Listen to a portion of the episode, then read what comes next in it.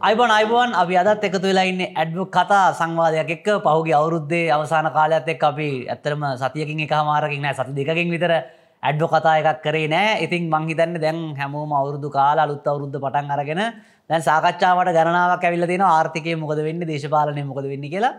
ඒ අතරින් තියෙන වැදගත්ම හැමෝටම බලපාන සාකච්ඡාවත් තමයි විදුලි බිල සම්බන්ධයෙන් එන සාකච්ඡාව සහ අලුතෙන් මේ සාකච්ඡාවක් කලතින අලුත් විදුලි බල පනතක් එනවා.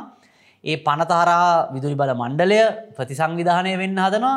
මේ ගැන පනතක් ගියවුරුද්දෙදී පාර්ලිමේන්තුර ඉදිරිපත් කරන්න ගැසට් කර.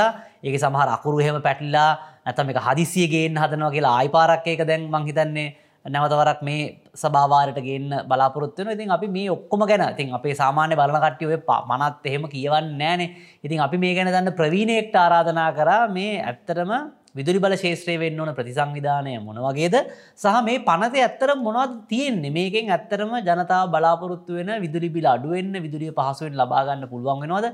ඒවගේම විශාල කතා බහක් යනව මේ පුනර්ජනනීය බලශක්තිය සම්බන්ධය ඒවගේම තවත් සමහරු බයවෙල ඉන්නවා මේ විධ රටවල් ඇවිල්ල මේක මැද්දට පැනට ලංකාවේ බලශක්ෂි ශේත්‍රයට අතගහන්න ඇගිලි ගහන්න අපේ ස්වෛරීත්වය පාවල දෙන්න සූදානම් වෙනවා කෙලෙතින් අපි මේව ගැන අපේ දැනුම එතරම්ම නෑ. ඉතින් අපි නිසා ආරාධනා කරා ආචාරය තිලක් සියමලා පිටිය මහත්මයට විදුරි බල ශේත්‍රයේ ප්‍රවීණයෙක් මේ පිළිබඳව අපිව දැනුවත් කරන්න සහ එතුමගේ අදහස මේ ගැන දැනගන්න. බොම ස්තුතියි ඩොක්ට සියමලා පිටිය අවිත් එක් සාකච්ඡාවට සම්බන්ධ ති මට ආරාධන කලාට ඩොක්ට සියමලා පිටිය මුලින්ම අපිට කියන්න අපි මේ පනතෙන් පටන්ගමක දැන් පළුතෙන් විදුලි බල පනතක් ගේන්න සූදානම් වෙල තියෙනවා.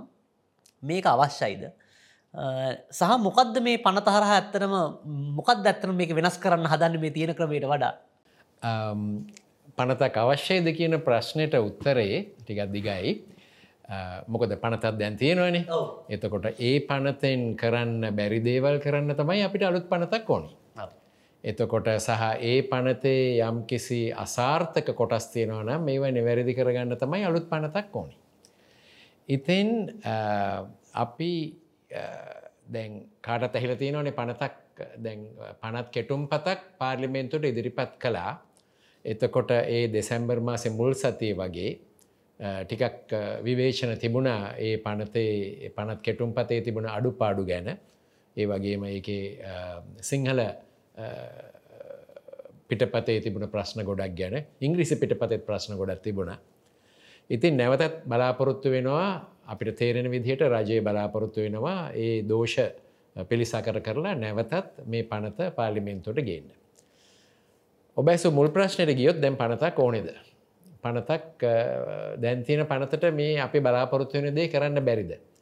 එහෙමනං ඉතින් අපි බලන්න ඕනනේ දැම් පනතේ තියෙන ප්‍රශ්න මොනවද ඒ වගේම ශේත්‍රයේ තියෙන ප්‍රශ්න මොනවද. හරිට දැ මහජනයට ඇත්තටම මට පේන විදිහට වැඩක් නෑ මේක රජයට අයිතිද රාජ්‍ය සේවයක්ද පුද්ගලිකාංශයේද දැ සමහරු කියනවා ලෙකෝ කියලා පුද්ගලික සමාගමක් හොඳ සේවයක් දෙනවලු.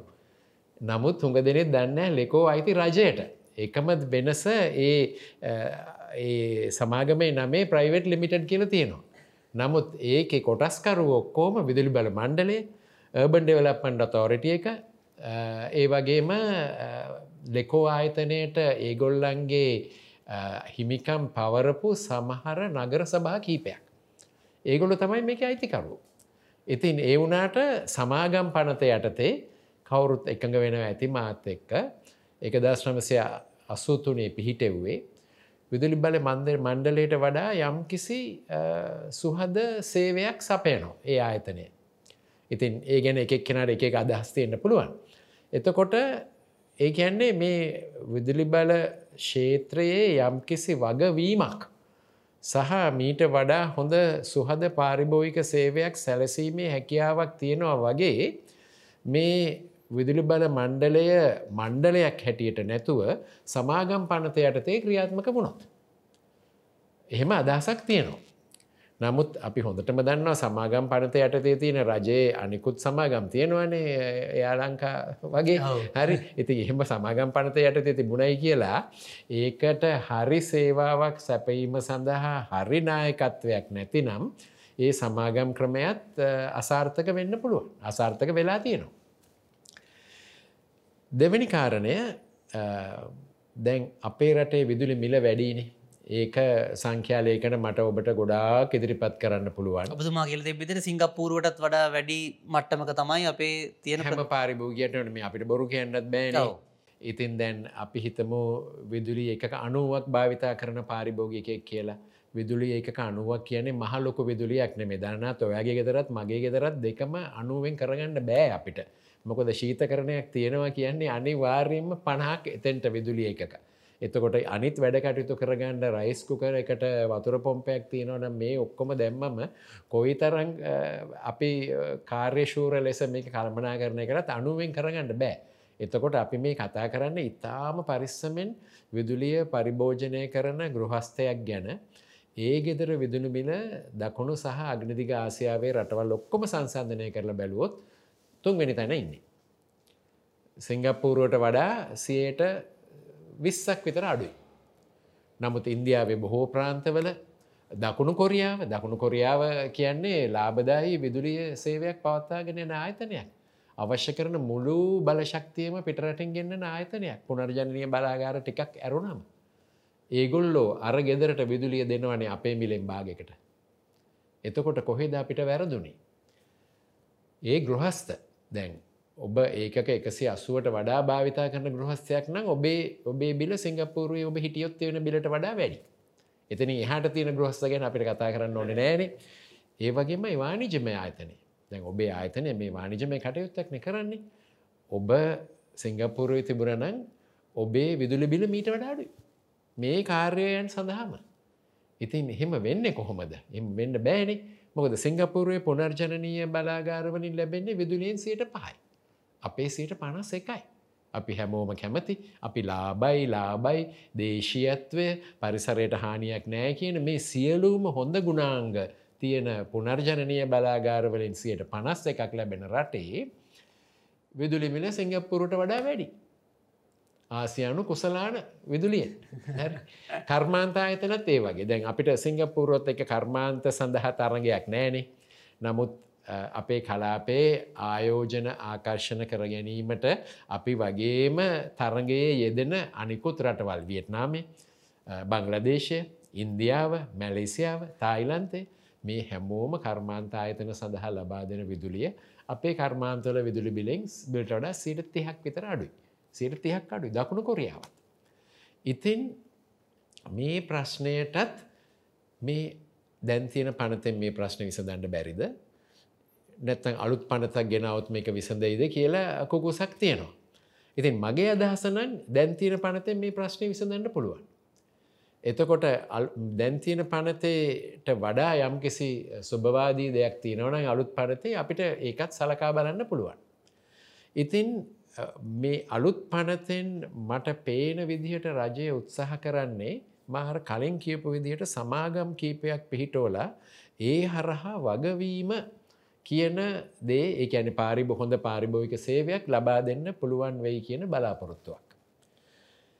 ලෙකෝ අයතන ගෙන ම කිව්වන ම ළඟත ලෙකෝ අයතන ගෙන පොතක් ලිවා. ඒකට මම සමීක්ෂණ කරද්දී මට හම්බ වුණා මම ගිහිල කතා කලා ලෙකෝ අයතනයේ පළවෙනි සභහපති. පළවෙනි සභහපති එයාගේ වයස සභහපති වෙදි අවුරුදු හැටයි විදුලි බල මන්ලේම හිටපු එංජිනේරුවේ. ඔබ හිතන ඇති අවුරුදු හැටක ඉංජිනේරුවෙක් පරණ හන මිටි අදහ සරගෙන තමයි ලෙකෝ ආයතනයට යන්න ඇත්ත කියලා නැහැ. එයා අවුරුදු අනුවවෙදිත් මට කියනවා ඔබ අහවල් සඟරාවේ ලිපිය කියව්වද. එයා ඒ වගේ බොහොම හැමතිස්සේම අලුද්දේ හම්බාගිය කෙනෙක්. මංයාට ළඟති කතා කරදි ඔය සනුවට වඩා වැඩි දැන් නෑ ජීවතුන් අතර. වෙන්නමම කළමනා කරන දැක්මක්. විදුලි බල මණ්ඩලය කර කර හිටිය විදිහට නෙමේ යායට කරන්න ඕන කමතිබුණේ. ලෙකෝ ආයතනයට අදත් හෙඩ් ඔෆිස් එකක් නෑ. ඉති ම ඉදහිට හන මොක හෙඩ් ඔෆිස් එකක් නැති ඔච්චර හොඳ ආයතන. නෑනෑ අපිට එහෙම ලොකු ආයෝජන කරන්න අවශ්‍යතාවයක් නෑ. අපිට මේ වෙන ආයතනයක කුඩී පදනම් මත අපිට අපි පහසුවෙන් ඉන්නවා. අපිට ලොකු හෙඩ් ඔෆිස් එකක් ඕනෙත් නෑ. මොකද අපේ පාරිභෝවික සේවාවන් සපයන්නේ ඒ ඒ ස්ථානවල. අපේ මීට රීඩ ගෙදරට ගිහිලා එතැන්දිම බිලදීලන්න පලංකාය පලවෙනි වතාවට. ඒ කාලෙ ලොකු දෙයක්. මීට්‍රේ කියවල ඒ වෙලා බිල දෙන එක. විදුලි බල මණ්ඩලේ මාස දෙකක් යනවා ඒ කාලෙ බිලයිවන්න පස්ස දැන් ඒ කාරණය නිවැරදි කළා. ඉතින් ඒ වගේ තාක්ෂණිකාංශයෙන් කළමනා කරනාංශයෙන් මුල්්‍ය පාලනය මේ හැමදේම නව දැක්මක් ඇති කණ්ඩායමක් තමයි ලෙකෝ ආයතනය සමාගමක් හැටියට පිහිටෙව්වට පස්සේ ක්‍රියා කළේ. ඒ වගේම දේශපාලන අධිකාරියත් සම්පූර්ණ සහයෝගය ලැබුණයි කාලේ මේ අලුතින් යමක් කරන්න. ඉතින් එම නිසා තමයි ලංකාවේ ඔබ නාගරික ප්‍රදේශවල යද්දි බලන්න පරණ ක්‍රමය අනුව ට්‍රන්ස්ෆෝර්මර එක ට්‍රන්ස්ෆෝර්මර එක කියන්නේ මේ මේ ගෙවල් සීයකට විතර විදුලිය සපයන උපකරණයක් තියෙනවනේ ඔබ දැක තියෙනවනේ කණු දෙකක් උඩ හයි කරලා තියෙන්නේ ලෙකෝ ආයතනය තමයි මුලින්ම කිව්වේ ඇයි අපිට කණු දෙකක් කණු දෙකක් පාවිච්චි කළොත් අපි නාගරික ප්‍රදේශයක අහිංසක පවුල්ලකට අයිති ඉඩමක පොඩි ඉඩක් හරි පාවිච්චි කරනවා. නැත්තං පාරකින් හරි පාරේ මහජනයට භාවිතා කරන ඉඩෙන් ටිකක් භාවිතා කරන ඇයි අපිට තනි කනුව කොඩුවක කරන්න බැරි? අලුත් අලුත් සැලැස්මක් කළ. සිවිල් එංජිනේරුවෙක් හොඳ හොඳ ඩිසයින් එකක් කළ. දැන් මුරු ලංකාවෙන් භාවිතා වෙන්නේ එක. ඉතින් අන්න ඒ වගේ නව දැක්මක් හැමාංශයම ඇති වුණා ඒ වෙලාවේ.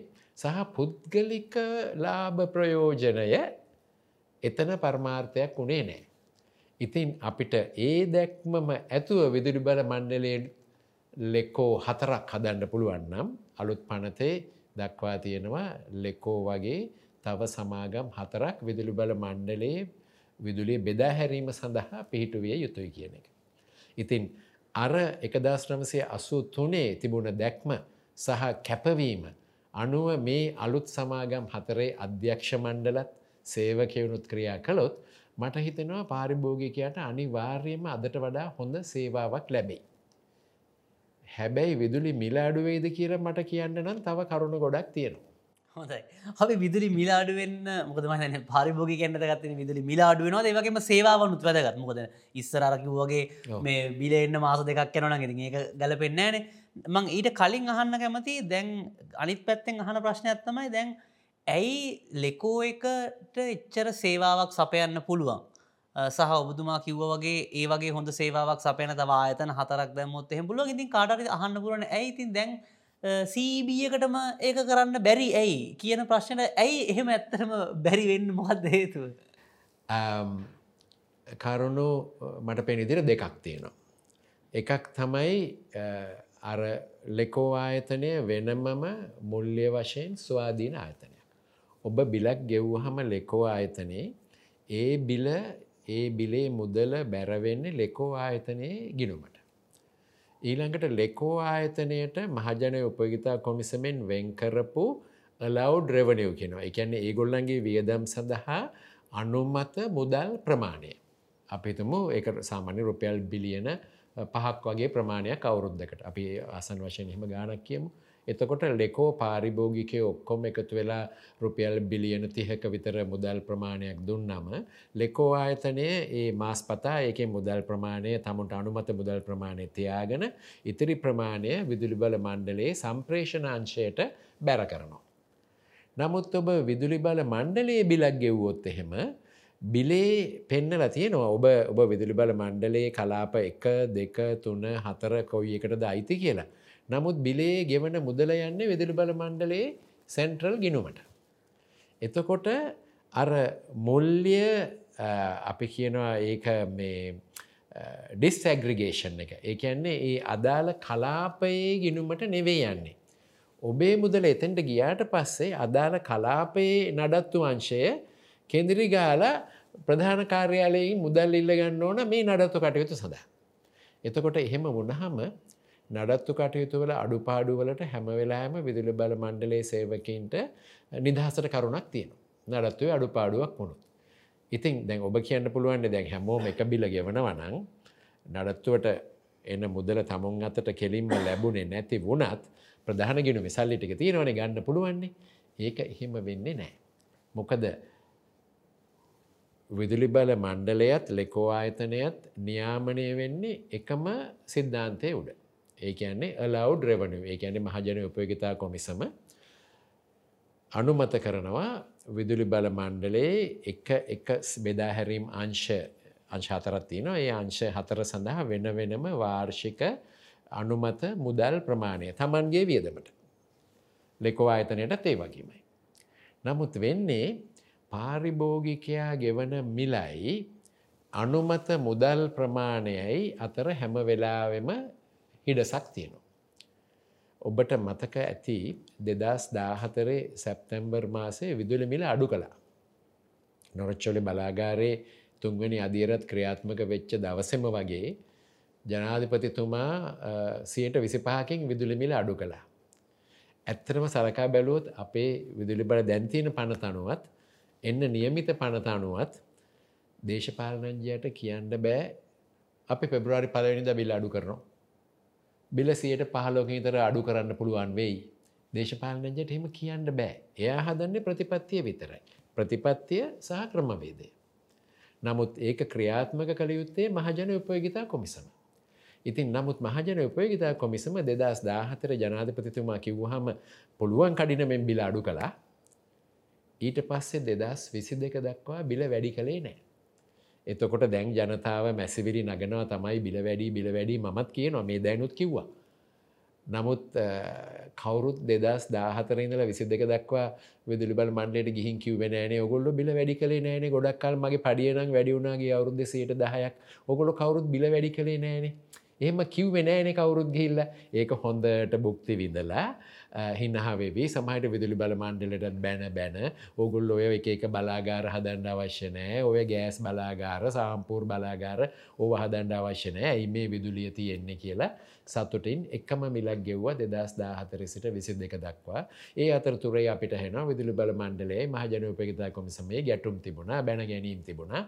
ඒ අවසාන ප්‍රතිඵලය තමයි විදුලි මිලයි විදුලිය වියදමයි අතර තියෙන වෙනස එකතු වෙලා එකතු වෙලා එකතු වෙලා අන්තිමට විදුලි බල මණ්ඩලය සම්පූර්ණයම විනාශ වුණා.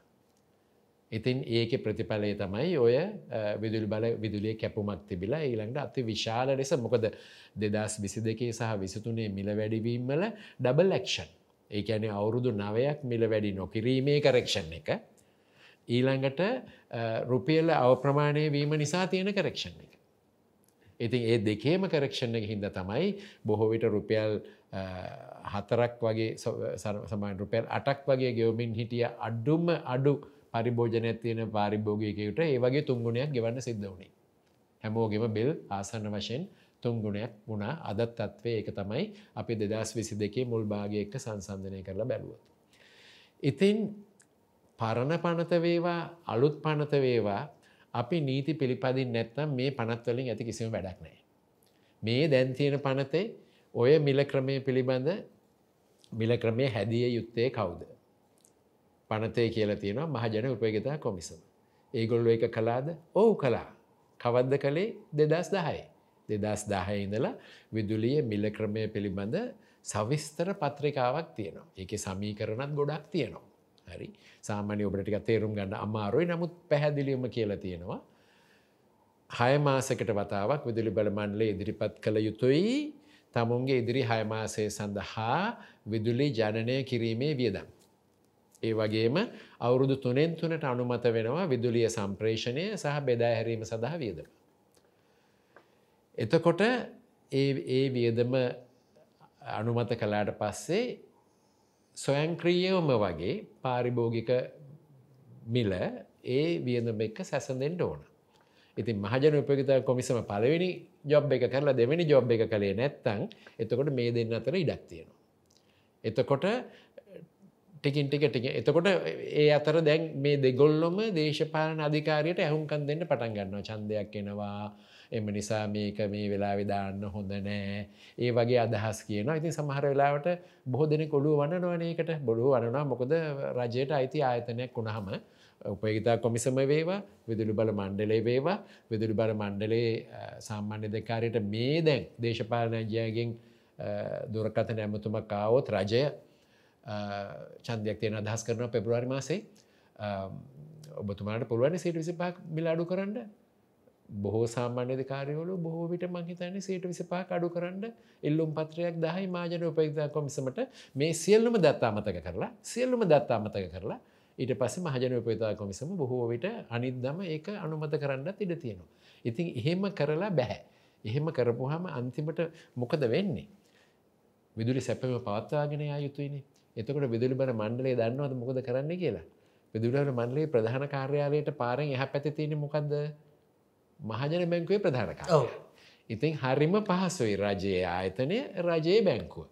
එතෙන්ට ගිහිල්ලා ඕව ඩ්‍රාෆ් එකක් ගත්තා තෙල් බලාගාරවලට තෙල් පොම්ප කරලා විදුලිය සැපේවා.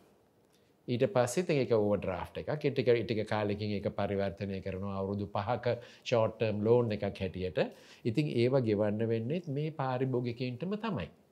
ඉතින් මහජන බැංකොත් හරි කැමති රජ අතලට ලෝන් දෙන්න. ඇයි? ඒගොල්ලු මොකටද මේ මහන්සි වෙලා ඇත ගම් පලත්වලට ගිහිලා කුඩා ව්‍යවසායකන්ට නයදීලා ඒගොල්ලංග දිරිමත් කරලා ඇයි ඒගොල්ල මාන්සි වෙන්නේ? මේ පාරෙන් හැ පැත්තිෙන රජය ආයතනයට පිලියන දහයයි විස්සයි සීයයි දෙසීයයි පන්සීයයි. මෙන්න දෙන කෙටිකාලි නානායවල ප්‍රමාණය ආයෝජන කරන්න නෙමේ බලාගාර හදන්න නෙමේ සම්ප්‍රේෂණ මාර්ග හදලා සේවාව දියුණු කරන්න නෙමේ මිල සහ වියදම අතර තියෙන වෙනස පියවගන්න ඔන්නෝකයි සිද්ධ වුණේ දාහතර සිට විසි දෙක දක්වා. ඉතින් අලුත් පනතෙන් ඕවාට ඉඩ නැද්ද.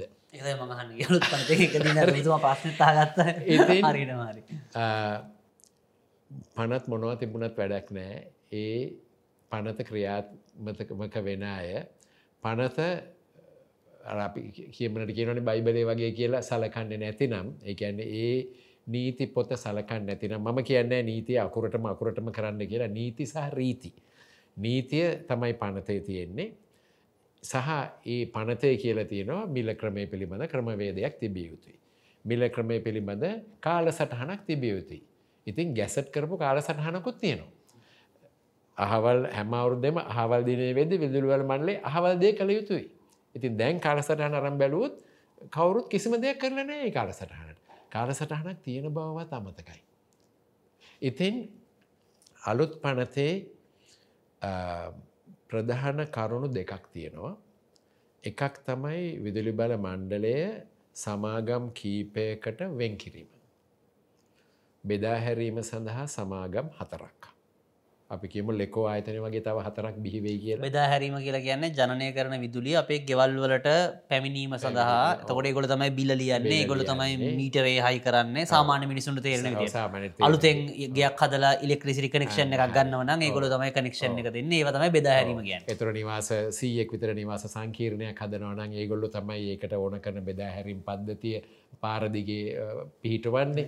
ඒ වගේම එක්තරා ගමක විදුලිය ඉල්ලුම වැඩිවේගෙන වැඩිවේගෙන අද්දි ගමේ තියෙන එක ට්‍රන්ස්ෝමරක මද වුණ හමතාව එකක් ඇවිල පිහිටවන්නේ. එතොට පද්ධතිය වැඩිදියුණු කම් කිරීම ඔක්කොම බෙදාහැරීමේ ජාලය සහ විදුලිය සපයා මීටරයෙන් එක කියවා මිල මුදල් අය කිරීම ඒ ක්‍රමවේදයත්. ඒ වගේම මොනහරි දෝෂයක් තේද ටෙලිෆෝන් කොල්ල එක දෙන්නෙත් ඒ කණ්ඩ කරට නැතිවුණු තක්ගාල ඇවිල්ල රිපයාර් කල්ලාර ට්‍රක් ගිහිලා ඒ කරන්න ඔක්කොම බෙදාහැරීමේ සමාගම සාමාන්‍ය ඉති ඒකටත් ලස්සන කතාවත් තියෙනවා. දැන් ලෙකෝ ආයතනය රියදුරෝ හිටිය නෑ.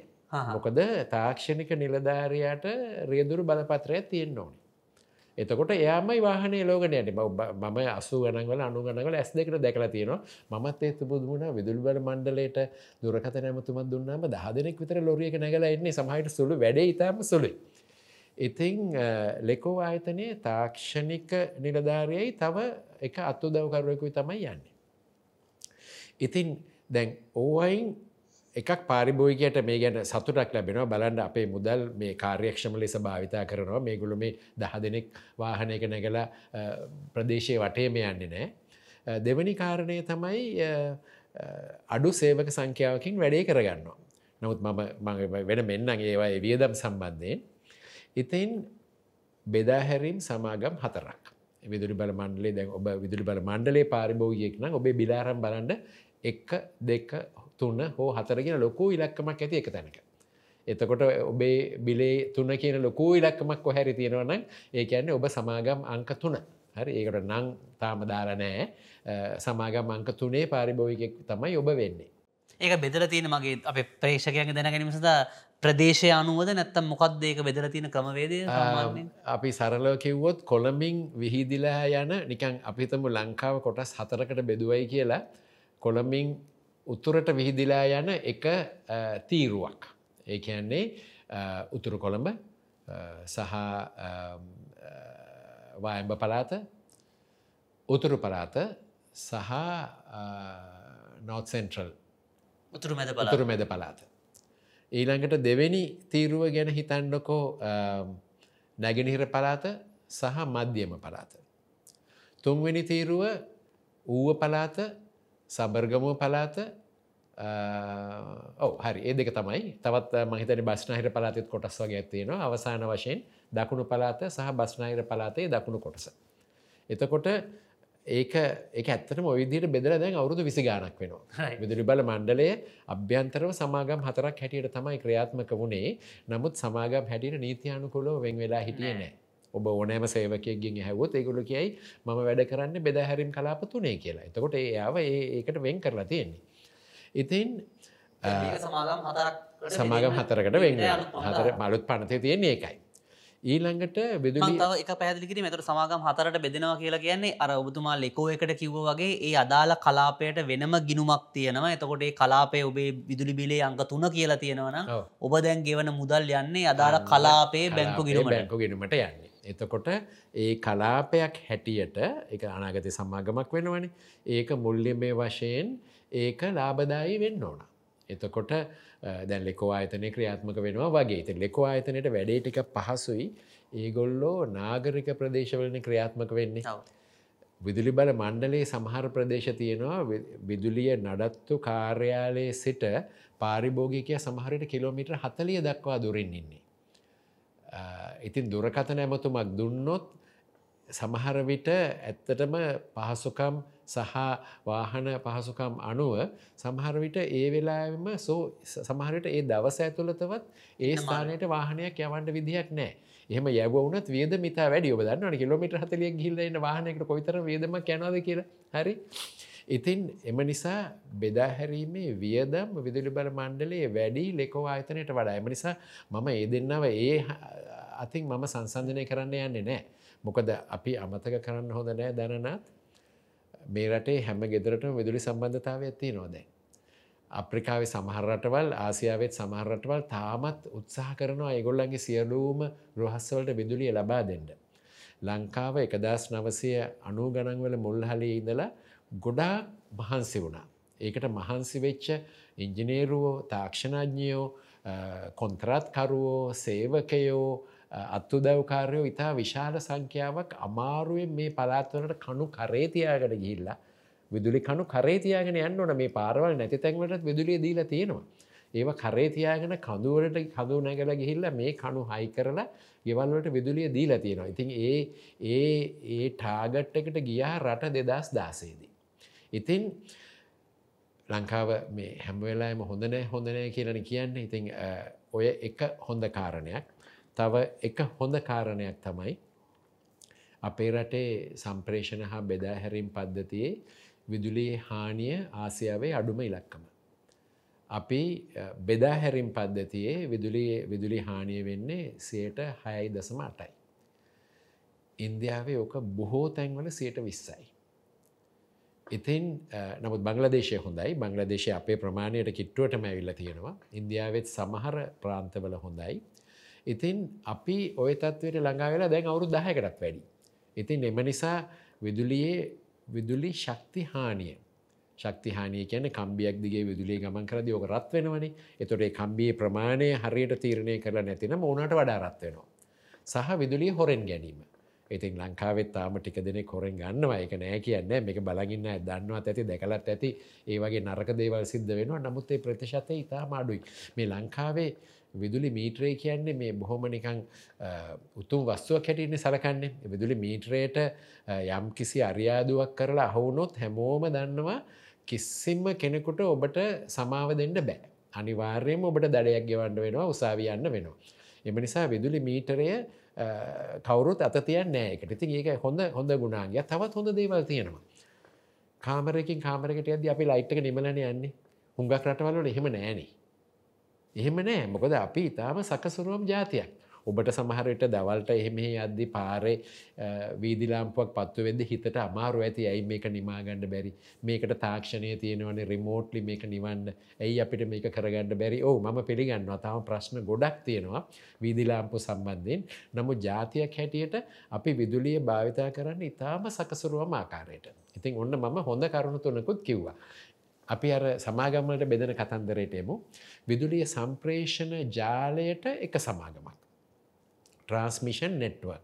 ඒ කියන්නේ විදුලි බලාගාර සහ මේ බෙදාහැරීම් ආයතන අතර තියෙන ජාලය. ඔබ පාරයදි දැකල තියෙනවනේ ලොකු කොළුණුවල දිග වයර් ඇදල තියෙනවා. ඒ කොළුණු දෙකක් අතර සමහර වෙලාවට කිලෝමීටර් කාලක් ඒකැන්න මීටර් දෙසිය පණහක් විතර දුර තියෙන. එතකොට ඒ සම්ප්‍රේෂණ ජාලයෙන් තමයි විදුලි ජනන ජනක යන්ත්‍රයත් ඒ වගේම පාරිභෝගික ඉල්ලුමත් තුලනය කරලා තියාගන්නේ. මොකද තව එක වැදගත් කාරණයක් හැමෝම දැනගන්න ඕන මේ විදුලිය පාරිභෝයික බාණ්ඩයක්. විදුලිය තමයි එකම පාරිභෝයික බාණ්ඩය පාරිභෝයිකය ඉල්ලන්න මොහොතෙම නිෂ්පාදනය කරන්න ඕන. දැන් ඔබ ඔබ එලවලු ගන්න ගිහාම ඔබ මිලදී ගන්නේ දවස් ගානකට කලින් අස්වන්න නෙලපු එලව එලවලු. නමුත් ඔබ ස්විච්ච එක දැම්මහම ඒ ලයිට් එක පත්තු වෙන්නේ මේ තප්පරයකටත් වඩා අඩු කාලයකද නිෂ්පාදනය කර විදුලිය.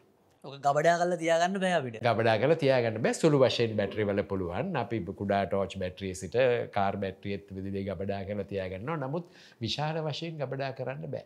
ඉතින් මේ තුල්ලිත සමතුලිතය තියා ගැනීම සඳහා ඉතා විශාල වැඩ ප්‍රමාණයක් කරන්න ඕන පද්ධතිය සැලසුම් කරන ඉංජිනේරුවොත් පද්ධතිය ක්‍රියාත්මක කරන ඉංජිනේරුවොත්. මේ සම්මතුලිත භාවය බිඳීගියොත් තමයි අර පවකට් නැශනල් බැකව් මුළු රටම බිදුලිය නෑ ඒ වගේ කරුණු කාරණා සිද්ධ වෙන්නේ. එතකොට සම්ප්‍රේෂණ ජාලයට මම ජාලය කියෙන වචන නැවත නැවත කියන්නේ ජාලයට එක සමාගමක්. මෙහෙමයි යෝජනා කරලා තියෙන. ඒ වගේම දැන් දැ විදුලිය කියන්න මම කිවනේ පාරිභෝයික බාණ්ඩයක්. එතකොට තොග විදුලිය මිලදීගෙන බෙදාහැරී මංශයට තොග වශයෙන් විදුලිය ලබාදීම. ඉන්ඩිපෙන්ඩන් සිස්ටම් ඔපරේට කියලා කියන්නේ ඒ ආයතනයට ඒ සඳහා වෙනම සමාගමක්. එොඩක් අපි පැහැදිලි කරකමු අර සමාගම් හතරක් මුලින්ම බතුමාකුවර කලාපංක එක දෙක තුන හතර විදුලිය බෙදා හැරීම සඳහා සමාගම් හතරක් එනවා. ඊට පස්සේ විදුලිය ජනනය කිරීමින්දලා අර පාරිභෝගික ගෙදරටනේ ඩිස්ට්‍රිබියෂන් එක අතර ඒ මුළු නෙට්වර්ක් එකම සම්ප්‍රේෂණ ජාලය කළමනා කරණය කිරීම තරහා තව සමාගමක් එන තොට සමාගම් පහයි දැන්. පහයි. එතකොට එතනින් පස්සේ ඔබතුමා කියන විදියට මේ දෙක අතර අර ස්විච්චක දාපු ගමන් විදුලි එන්න මේක ගැන හදන එකයි ගන්න එකයි මිලි සෙකන්ඩ එකකින් වෙන්න ඕන. තකොට මේකට සිිස්ටම් එක කන්ට්‍රෝල් කරන්න බැලස් කරන්න ඕන. බැලස් කරන්න ඒකට තව සමාගමයි දැන් සමාගම් හයයි. හයයි. ඒ ඒ මම කියපු අවසානට කියපු සමාගමේ වානිජමය කටයුත්තකුත් තියෙනවා. මොකද ඒගොල්ලො තමයි විදුලිය ජනක ජනන යන්ත්‍රව ජනන ආයතනවලින් මිලදී ගන්නේ. එතොට දේ මිලදී ගැනීම තරඟකාරීව සිද්ධ වෙන්න ඕන අන්න එතෙන් තියෙනවා මිල පිළිබඳ ප්‍රශ්නය සහ ඒ ගන්න විදුලිය බෙදාහැරීමේ ආයතන පහට පහයින මණ්ඩලේ හතරයි ලෙක්කෝ එකයි පහයි. පහට තොග වශයෙන් ලබා දෙන්න ඕනි. එතකොට මේ ඉන්ඩිපෙන්ඩන් සිස්ටම් ඔපරේට කියන ආයතනයේ ලොකු වැදගත්කමත් තියෙනොමකොත් මෙයා තමයි ඇත්තටම මේ පද්ධතියේ වානිජමය හදවත සහ මේ පද්ධතියේ ට්‍රැෆික් පොලිසිය. මොකද විදුලි පද්ධතියක් අපිට අවසාන විග්‍රහයේදී හිතාගන්න පුළුවන් මේ මාර්ග මහමාර්ග පද්ධතියක් වගේ. දැ මේ පාරයන ඔක්කොම වාහන ආර්ඩියකට අයිතිය වනමේනි ඒගොලු පද්ධතිය සලසා දෙනවා. පද්ධතියේ පරිපාලනය ට්‍රැෆික් පොලිසිය කරනවා. එතකොට එකමදේ මේ පද්ධතිය වාහන පාරය නවත්තල තියන්න පුළුවන්නේ. ඔන්නොතනයි ප්‍රශ්න. විදුලිය නවත්තල තියන්න බෑ. හරි. අපාරිභෝග ඉල්ලන මොහොතෙම දෙන්න ඕන. නමුත් ඒ කම්බිවල ගමන් කරන විදුලිය විදුලි බල මණ්ඩලයට අයිතිවීම අවශ්‍ය නෑ. දැනට ඒකින් වැඩි වැඩි ප්‍රතිශතය විදුලි බල මණ්ඩලයේම බලාගාර වලින් තමයි නිෂ්පාදනය වෙන්නේ. නමුත් පුද්ගලිකංශයත් ඉන්නවා දැන් අපි පද්ධතිය ඊළඟ අවසාන උඩහට ගියහම විදුලි ජනනය. විදුලි ජනනය පනතෙන් යෝජනා කරලා තියෙනවා ජල විදුලි බලාගාර විශාල ජල විදුලි බලාගාර එක සමාගමක් හැටියට ස්ථාපිත කරන්න. නොරච්චෝලෙ බලාගාරයත් තව සමාගමක් හැටියට ස්ථාපිත කරන්න. ඒ අසලම නෙමේ තවටියක් උතුරෙන් තියෙන මන්නාරම සුළම් බලාගාරයත් එක සමාගමක් හැටියටත් විදුලි බල මණ්ඩලයට අයිති තෙල්වලින් ක්‍රියා කරන බලාගාර සමූහයක් තියෙනවන සපුගස් කන්ද කැලනි තිස්ස. ඒවා තව සමාගමක් හැටියට ස්ථාපිත කරන්න. එතකොට ජනනයට සමාගම් විදුලි බල මණ්ඩලයෙන් පවරණ ඒවා හතරයි. තව එකොන් දෙසි වගේ ඇත්තියෙන මං එකත් කියන්න. දැන් තියෙනවා පුද්ගලික බලාගාර. දැනට ක්‍රියාත්මක වෙමින් පවතින තෙල්වලින් ක්‍රියා කරන පුද්ගලික බලාගාර එකක් තියෙනවා කෙරවල පිටි සහ තව කෙරවල පිටිය බලාගාරයක් හැදමින් පවතිනවා. එතකොට ඒ දෙක පුද්ගලිකංශයටයි අයිති එතකොට ඒ පුද්ගලිකංශය අද කරන්න විදුලි බල මණ්ඩලයේ ඉල්ලීම අනුව විදුලිය නිෂ්පාදනය කරලා ඒ ඒ වෙලාවට දවසේ ඒ පෑට නිෂ්පාදනය කරලා සම්ප්‍රේෂණ පද්ධතියට ලබා දෙනවා ඒගොල්ලන්ට මුකුත් වෙන්න නෑ ඒගොල්ලො ඒ විදිහටම තවදුරටත් ක්‍රියාත්මක වෙයි. ඒ වගේම පුනර්ජනනීය ප්‍රභාවවලින් විදුලිය නිෂ්පාදනය කරන සමාගම් තියෙනවා තුන්සියකට වැඩි ප්‍රමාණයක්. ඔබේ වහලවුඩ තියෙන සෝල පැරල ගැන නෙමේ ම කියන්නේ සමාගම් හැටියට ස්ථාපිත වෙලා තියෙනවා එකදස් නවසය අනු හය තමයි පළවෙනි සමාගම ස්ථාපිත වුණේ ජලවිදුලි බලාගාරයක් පිටුවීමට අද ඒ සමාගම් සංඛ්‍යාව තුන්සීටත් වැඩි තුන්සේ විස්සක් වගේ ගානක් ම හිතන්නේ.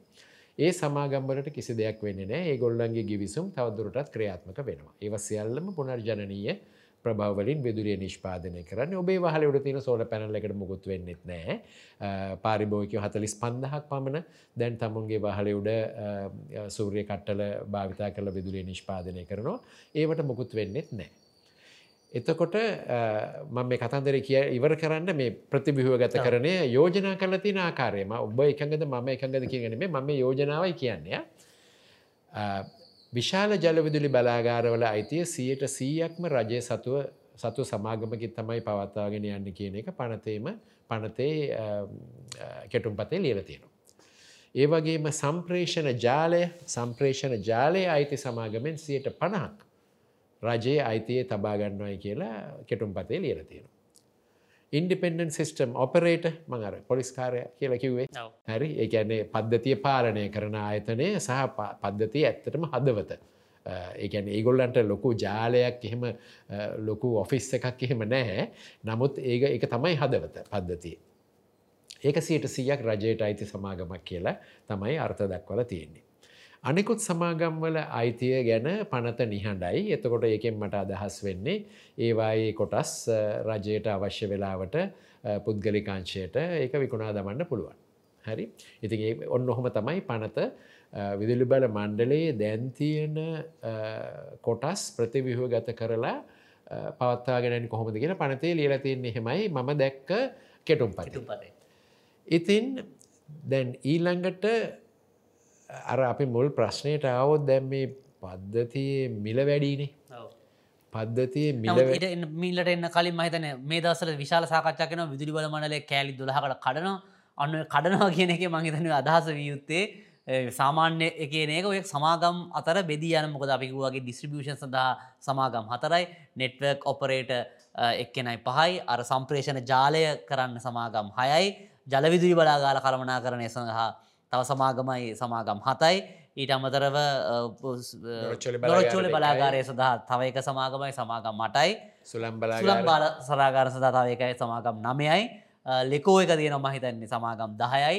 සහ ඊට අමතරවාර අපි කියපු තව පුනර්ජනී බල ශක්තිය සඳහා තියෙන තවත් සමාගම් තුන්සීයක් විතර ප්‍රමාණයක් තියෙනවා. ඔය එක්ක විය යුතුයි. ඔය සමකොම් මේක කඩනවා කැලි දොලහක් කියලා සඳහන් වෙන්න ඔය ඒ හා සම්බන්ධ වෙන්න මහිතන ඔබට තකොට මේ කතන්දරේ අවබෝධ කර ගැනීම පහසුව සඳහයි තව තව මං සම්පූර්ණ කිරීම සඳහා පොඩි කාරණය කියන්න තුොන විදුලි බල මණ්ඩලේ තියෙනවානේ සෙන්ට්‍රලයිස් විසස් කියලා සමහර රෝහල්වල විදුලි බල පද්ධතිය විදුලි බල මණ්ඩලයෙන් පවත්වාගෙන යන්න. ඒ වගේ සේවා සපයන කොට්ටාශයක් තියෙනවා විදුලි බල මණ්ඩලේ.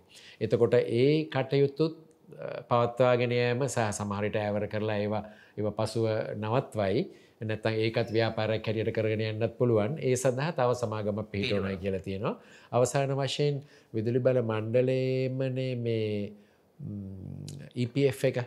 EPF එක විදුලි බල මණ්ඩලේම තව අනු මණ්ඩලයක් තමයි පරිපාලනය කරම ඔබේ පF ඔබේ විදිරි බල මණ්ඩලට සේවක බල සේවිකාවන්ගේ සේවක. පF ගැනම කතා කරන්න. මොකද රජය මන දන්නාකාරයට රජය සමහර නිශ්චිත ආයතන කීපයකට ඉඩදීලා තියෙනවා.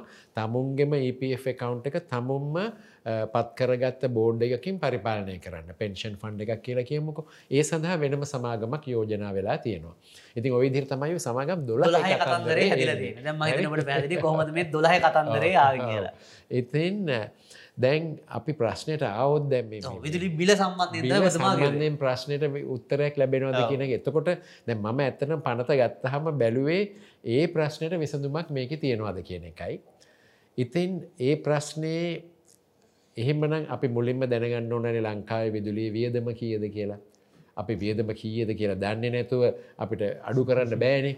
එතකොට මේ පහුගිය හයමාසය සඳහා විදුලි බල මණ්ඩලේ මහජන උපයෝගිතා කොමිසමට ඉදිරිපත් කළ දත්තානුව පද්ධතියේ විදුලි ඒකකයක් නිෂ්පාදනය කර සම්ප්‍රේෂණය කර පාරිභෝගිකයට ලබාදීමටත් අර දෙදස් දහ හතරේ සිට දෙදස් විසි දෙක දක්වා බිල වැඩි නොකිරීම නිසා පරණ පව් ගෙවීමටත් යන මුළු වියදම විදුලි ඒකකයක් සඳහා රුපයල් හතලිස් අටයි. රුපයල් හතලිස් අටයි කියන්නේ දැන් අප ජාත්‍යන්තරව සංසන්ධනය කළොත් ඇමරිකානු සත පහළවයි. ඔබ යම් කිසි කරුණු දන්න කෙනෙකුට කිව්වොත් ලංකාවේ විදුලි බිල ඇමරිකානු සත පහළවයි කියලා ඔහු ඔළුවේ අත ගහගන්නවා. ඇයි එහෙම වෙන්නේ කොහොමද ඕගොල්ලන්ගේ රටේ සියයට පණහක් පුනර්ජනනය බලාගාරවලින් විදුලිය හම්බෙන්නේ එහෙම වෙන්නේ කොහොමද. ඇමරිකාවෙත් ඒක ඇමරිකානු සත අටයිනේ. ඉන්දියාවෙත් හතා මාරයිනේ. බංගලදේශයේ ඒත් හත හමාර වගේ ඇමරිකානු සත. ලංකාවේ විදුලිය නිෂ්පාදනය කිරීමේ වියදම වැඩි. එතකොට දැම් මොකද මේ වෙලා තියෙන්නේ. එතකොට එහෙමනම් විදුලිය නිෂ්පාදනය කරන ක්‍රමවේදේ ප්‍රශ්නයක් එන්න ඕන එහෙම නැතිනම් විදුලිය ක්‍රමවේදේ හරි වුණත් විදුලිය නිෂ්පාදනය කරන්න යන වියදම වැඩි වෙන්න ඕන. එහෙම නැතිනම් විදුලි සපේන ආයතන මේ වනාස්ති කරන්න ඕන සේවක මණ්ඩල ඒ වගේ කරුණු කාරණා නිසා. ඉතිං අනිකුත් හැම පාරිභෝයික බාණ්ඩයක් වගේම විදුලියටත් අපිට සරලව මේ වියදම කොටස් තුනකට කඩන්න පුළුවන්. පළවෙනි එක ස්ථාවර වියදම. මොනවද ස්ථාවර වියදම් කියන්නේ. විදුලි බලාගාර සම්ප්‍රේෂණ මාර්ග බෙදා හැරිම් පද්ධතියේ ෂයවීම අපි ඩිප්‍රිසේෂන් කියල කියන්නේ. එතොර ඩිප්‍රිසේෂන් එකට ගානක් වෙන් කරන්න ඕනෙන නැත්තන් ඒ ඒ ඒවා පරණ වෙද්දි අපිට ඒ සඳහා ආයෝජන කල අලුත් වැඩිය කරන්න බැවි කරණය කරන්න බැරි වෙනවනි ඔන්න ඩිප්‍රිසිේෂන්. අරගෙන තියෙන නායවලට පොලිය. ඊළඟට කාර්ය මණ්ඩලය කාර්ය මණ්ඩලට යන වියදම්. ඒ වගේම නඩත්තු කටයුතු ස්පෑපාට් ඒ වගේ දේවල් ඕන. ඊට අමතරව ආයෝජනය සඳහා වූ ලාබය. විදුරි බල මන්ලේ දැන් ලාභයක් ගන්න නෑ ලාබේ ශුන්්‍යයයි ලාභයක් දානවනං ඒ ඉලක්කමත් එතන තියෙන්න්නවන ඒක ස්ථාවර වියදම. තව ස්ථාවර වියදමත් තියෙනවා අර කෙටිකාලීන ණය ආපහු ගෙවීම.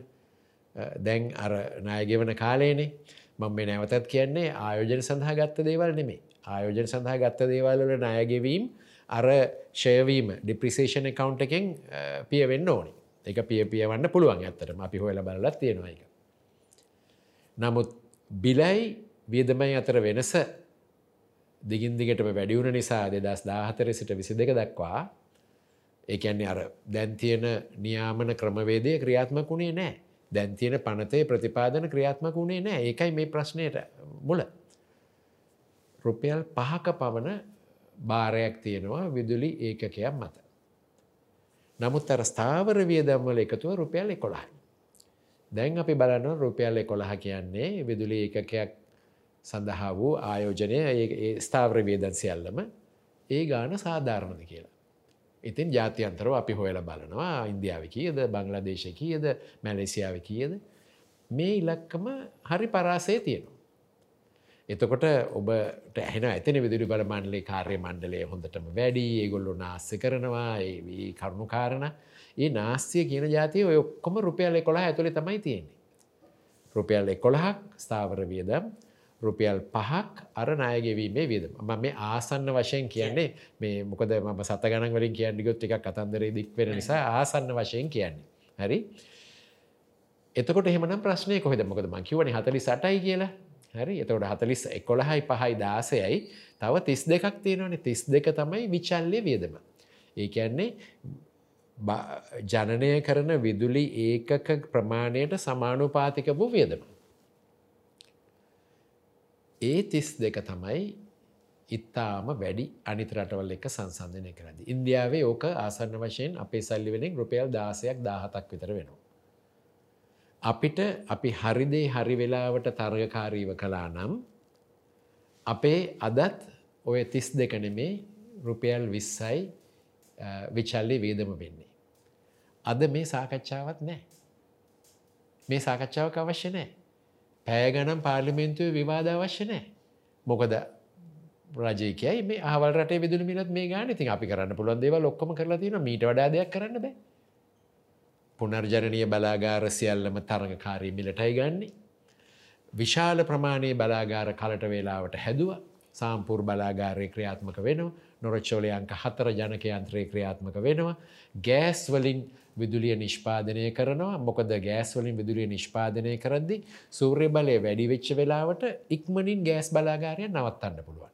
එතුට පාරිභෝයකට කිසි ප්‍රශ්නයක් නෑ සූරය කෝෂවලින් විදුලිය නිෂ්පාදනය කරනවා හොඳට අවතීරදාට ගෑස් බලාගාරය බින්දුවට එනවා. හිටිකමක් වැහි දවසක් ආව මෙන්න අපිට ගෑස් බලාගාරය තියෙනවා අඩු වියදමකින් විදුලිය නිෂ්පාදනය කරන්න ඒ දවසට. ඉතින් දැනත් ඔය කරුණු කාරණ එකක්ව සිද්ධ වනේ නැහැනේ. දෙදස් පහළවෙයි ඉඳලම අපේ රජ විවිධ රජයන් සහ ඒ තීරණවලට අපපුඩි ගහපු අය උදම් මැනුවේ අපි අහවල් බලාගාරය හැදුවනෑ අහවල් බලාගාරය කැන්සල් කලා අහවල් ස්වභාවික වායු පර්යන්තය රෑදොල හට අස්සං කලා දැන්ගේ රෑදුලට අසං කරපයි නෑන ඉගුණු නෑ. ඉතින් දැන් ස්වභාවිවායු පර්යන්තයෙන් නෑ. ඉතින් ඒකෙන් නැතිවීය විදුලිය නිෂ්පාදනය වෙන්න කොහෙන්ද. සමාරු හිතන ඇති මේ සූරය බලාගාරය කියල නෑ ඩීසල් බලාගාරයකින්. රුපයල් හැත්ත පාකට විදුරිය නිෂ්පාදනය වෙන්නේ. ඉතින් කොයි තරන් හොඳ සැලසුම් තිබුණත් දැන් හැමෝම කියෙන සැලසුම් නෑ සැලසුම් නෑ සැලසුම් තියෙනවා. සැලසුම් ලංකාවේ දීර්ඝකාරීන සැලසුම් පොත මේ කලාපේ තියෙන හොඳම පොතක්. සැලසුම් තියනවා නීති තියනවා රීති තියනවා ක්‍රමවේද තියෙනවා ඒ ඔක්කොම ලස්සනට ඩොකියමෙන්ට් කරලත් තියෙනවා ඩොකියමෙන්ටල තියෙනවා ලස්සනට තියෙනවා එකක්වත් ක්‍රියාත්ම කරගන්න බෑ. මොකද ඇගිලි ගැසීම් වැඩි. ඇගිලි ගැසීම් වැඩි අවසානයේදී කරගන්න වෙන දෙයක් නැතුව ගහම ඩීසල් වලින් විදුලි නිෂ්පාදනය කරනවා. විදුලි බල මණ්ඩලේම බලාගාරුවට ඩීසල් දාලා නිෂ්පාදනය කරනවා පුද්ගලිකාංශයවට ඩීසල් දාලා නිෂ්පාදනය කරනවා. අන්න ඒක හින්ද තමයි මේ රටේ විදුලිය නිෂ්පාදනය කිරීමේ විචල්්‍ය වේදම රුපියල් තිස් දෙකක් වෙලා තියෙන්නේ. දැන් ඉතින් කෙනෙකුට වාද කරන්න පුළුව නෑනෑ ඔය තිස් දෙකට වඩා අඩුවනා මේ පහුගේ ටිකේ වැස්ස. ඔවු ඉතින් එක හරි වැස්සා වියදම අඩුවනා නමුත් දැන් පාරිභෝගිකය දන්නේ නෑනේ මේ වැස්සරින්දා කොච්චර ප්‍රතිලාබයෙන් ලැබුණද කියලා. ඉතින් දැන් පාරිභෝගිකය හිතනවා දැන් අපි පෙළපාලිය කියන්න ඕන මේ අඩු කර ගැනීම සඳහා. ඇත්තටම නීතිය හරියට ක්‍රියාත්මක වෙනවනම් ඔය ඔය ක්‍රමවේදේ තියෙනවා බල්ක් සප්ලයි එකකවන්් කියල එකක්. ඔය කවුන්් එක විනිවිධ පේන ආකාරයට පාරිභෝගයාගේ දැනගැනීම සඳහා ප්‍රකාශයට පත් කරන්න ඕනි. පුළුවන්න දිනපතාම ප්‍රකාශයට පත් කළත් කමන්නේ. ඊයේ දිනය සඳහා ඇස්තමේන්තු කළ විදුලි ජනන වියදම. වර්ෂාව වැඩිවීම නිසා ඉතුරු වූ මුදල. එතකොට මේ ඉතුරෙන මුදල ටිකින් ටික වැඩිවේගෙන ගිහිල්ලා ක්‍රමවේද යනුව දෙසැම්බර් තිස්සක වෙදදි පාරිභෝයිකයට පේෙන් ඕන හප්පා ඩොල රුපියල් බිලියන හතලියක් මේ කවුන්ටගේ තියෙනවනි. සුනිත්‍ය බලශක්ති අධිකාරයේ පනතේඩියල තියෙනවා පුනර්ජනනීය ප්‍රභවවල ප්‍රතිලාභය අයිති මහජනයාටයි කියලා. ඒක ලියල තියෙනවා පැහැදිලිව. පනතේ ලියල තියෙනවා. එතකොට කවුරුත් මේක මේ අපි විදුලි මිල අඩු කරනවා. මගේ රජයේ විදුලි මිල අඩු කරනවා කියලා කියන්න බෑ මොකද පනතේම ලියල තියෙනවා ඒ ප්‍රතිලාබේ මහජනයටයි අයිති කියලා. ක්‍රමවේදේ ලියල තියෙනවා දෙසැම්බර් තිස්ස එක වෙද්දි ඒ එකතු වෙච්ච මුදල ඇතුළු සියලුම ඉදිරි හයමාසය සඳහා වියදම් ප්‍රකාශයට පත් කළ යුතුයි. එතකොට මහජනය කෑකෝ ගහලා මේක කරන්න අවශ්‍ය දෙයක් නෑ මහජනයට මේක ලැබිය යුතු ප්‍රතිලාභයක්. ඉතින් නමුත් දැන් හැමෝම හිතන්නේ අපි අපි අපි ඇහුව නැත්තම් ඕක වෙන්නේ නෑ හරි. අපි හැව නැත්තම් ඕක වෙන්නේ නෑ ඉතින් දැන් අලුත් පනතෙත් ඔයිට වඩා ලොකු ක්‍රමවේදයක් නැහැ ඔය කාරණයට. මොකදද? විදුලිය ජනනය කිරීමේ වියදම පාලනය කිරීමේ ක්‍රමවේද. එකනොත් ඔබතුමා කියන මේ විචල්ල වියදම. කියන්නේ ජනනය කිරීම සඳහා එක්කම අපි ගැන වේරියබල් කොස්ට එක කියලා. කියන්නේ ජනනය වැඩි වෙනවනං ඒ වියදමත්තරන එකට වාහනේ තෙල්වල වියදම වගේ. වාහනය දුවන්න දුවන්න තෙල්වල වියදමත් වැඩි ඉතින් දැන් පනතේ එක අරමුණක් තමයි තරඟකාරීත්වය ස්ථාපිත කිරීම. මොක දැන් කෙනෙකුට හිතන ඇතින විදුලි බල මණ්ඩලය නිෂ්පාදනය කරන ක්‍රමවේදය තරඟකාරිත්වයක් මදි කියලා. දැන් තරඟකාරිත්වය ස්ථාපනය කරන්න නං පනතේ මම බලාපොරොත්තු වනා ලියයි කියලා සෑම විදුලි මිලදී ගැනීමක්ම තරඟකාරීව විවෘත ටෙන්ඩර් වලින් කළ යුතුයි. දැන් මේ ඊටෙන්ඩර් කියලා තියෙනවනේ. එකැන්න මේ පරණ ක්‍රමයට ඩොකියමෙන්ට් බෙදලා මේ ඒ කට්ටිය කාමරයකට එන්න කියලා මිල ගණන් කවරයක් ඇරලා කියන කතන්දරයක් නැහැනි. දැන් ඉලෙක්ට්‍රොනිකලි තමයි ටෙන්ඩරින් කරන්නේ.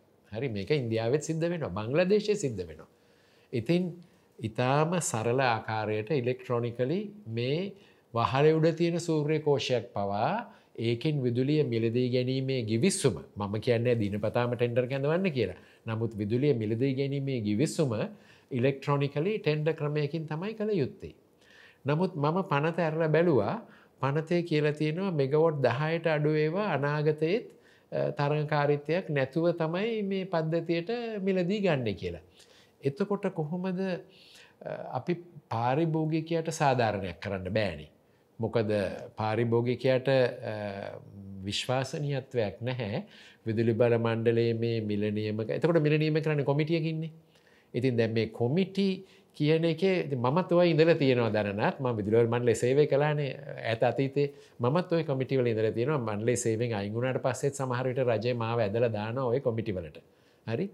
ඉතින් නමුත් කමිටුවක් හැම වෙලායම මට හිතෙනවා ආයෝජකයගේ පැත්ත ගැන තමයි වැඩි සැලකිල්ල තියෙන්නේ. මොකද ආයෝජකගේ හඬ තමයි ඇහෙන්නේ පාරිභෝගිකයගේ හඬ ඇහෙන්නෑ පාරිභෝගිකයෝ මිලියන් හතක් මිලියන් හතක් හිටියට ඒගොල්ලන්ගේ හඬ දුර්වලයි.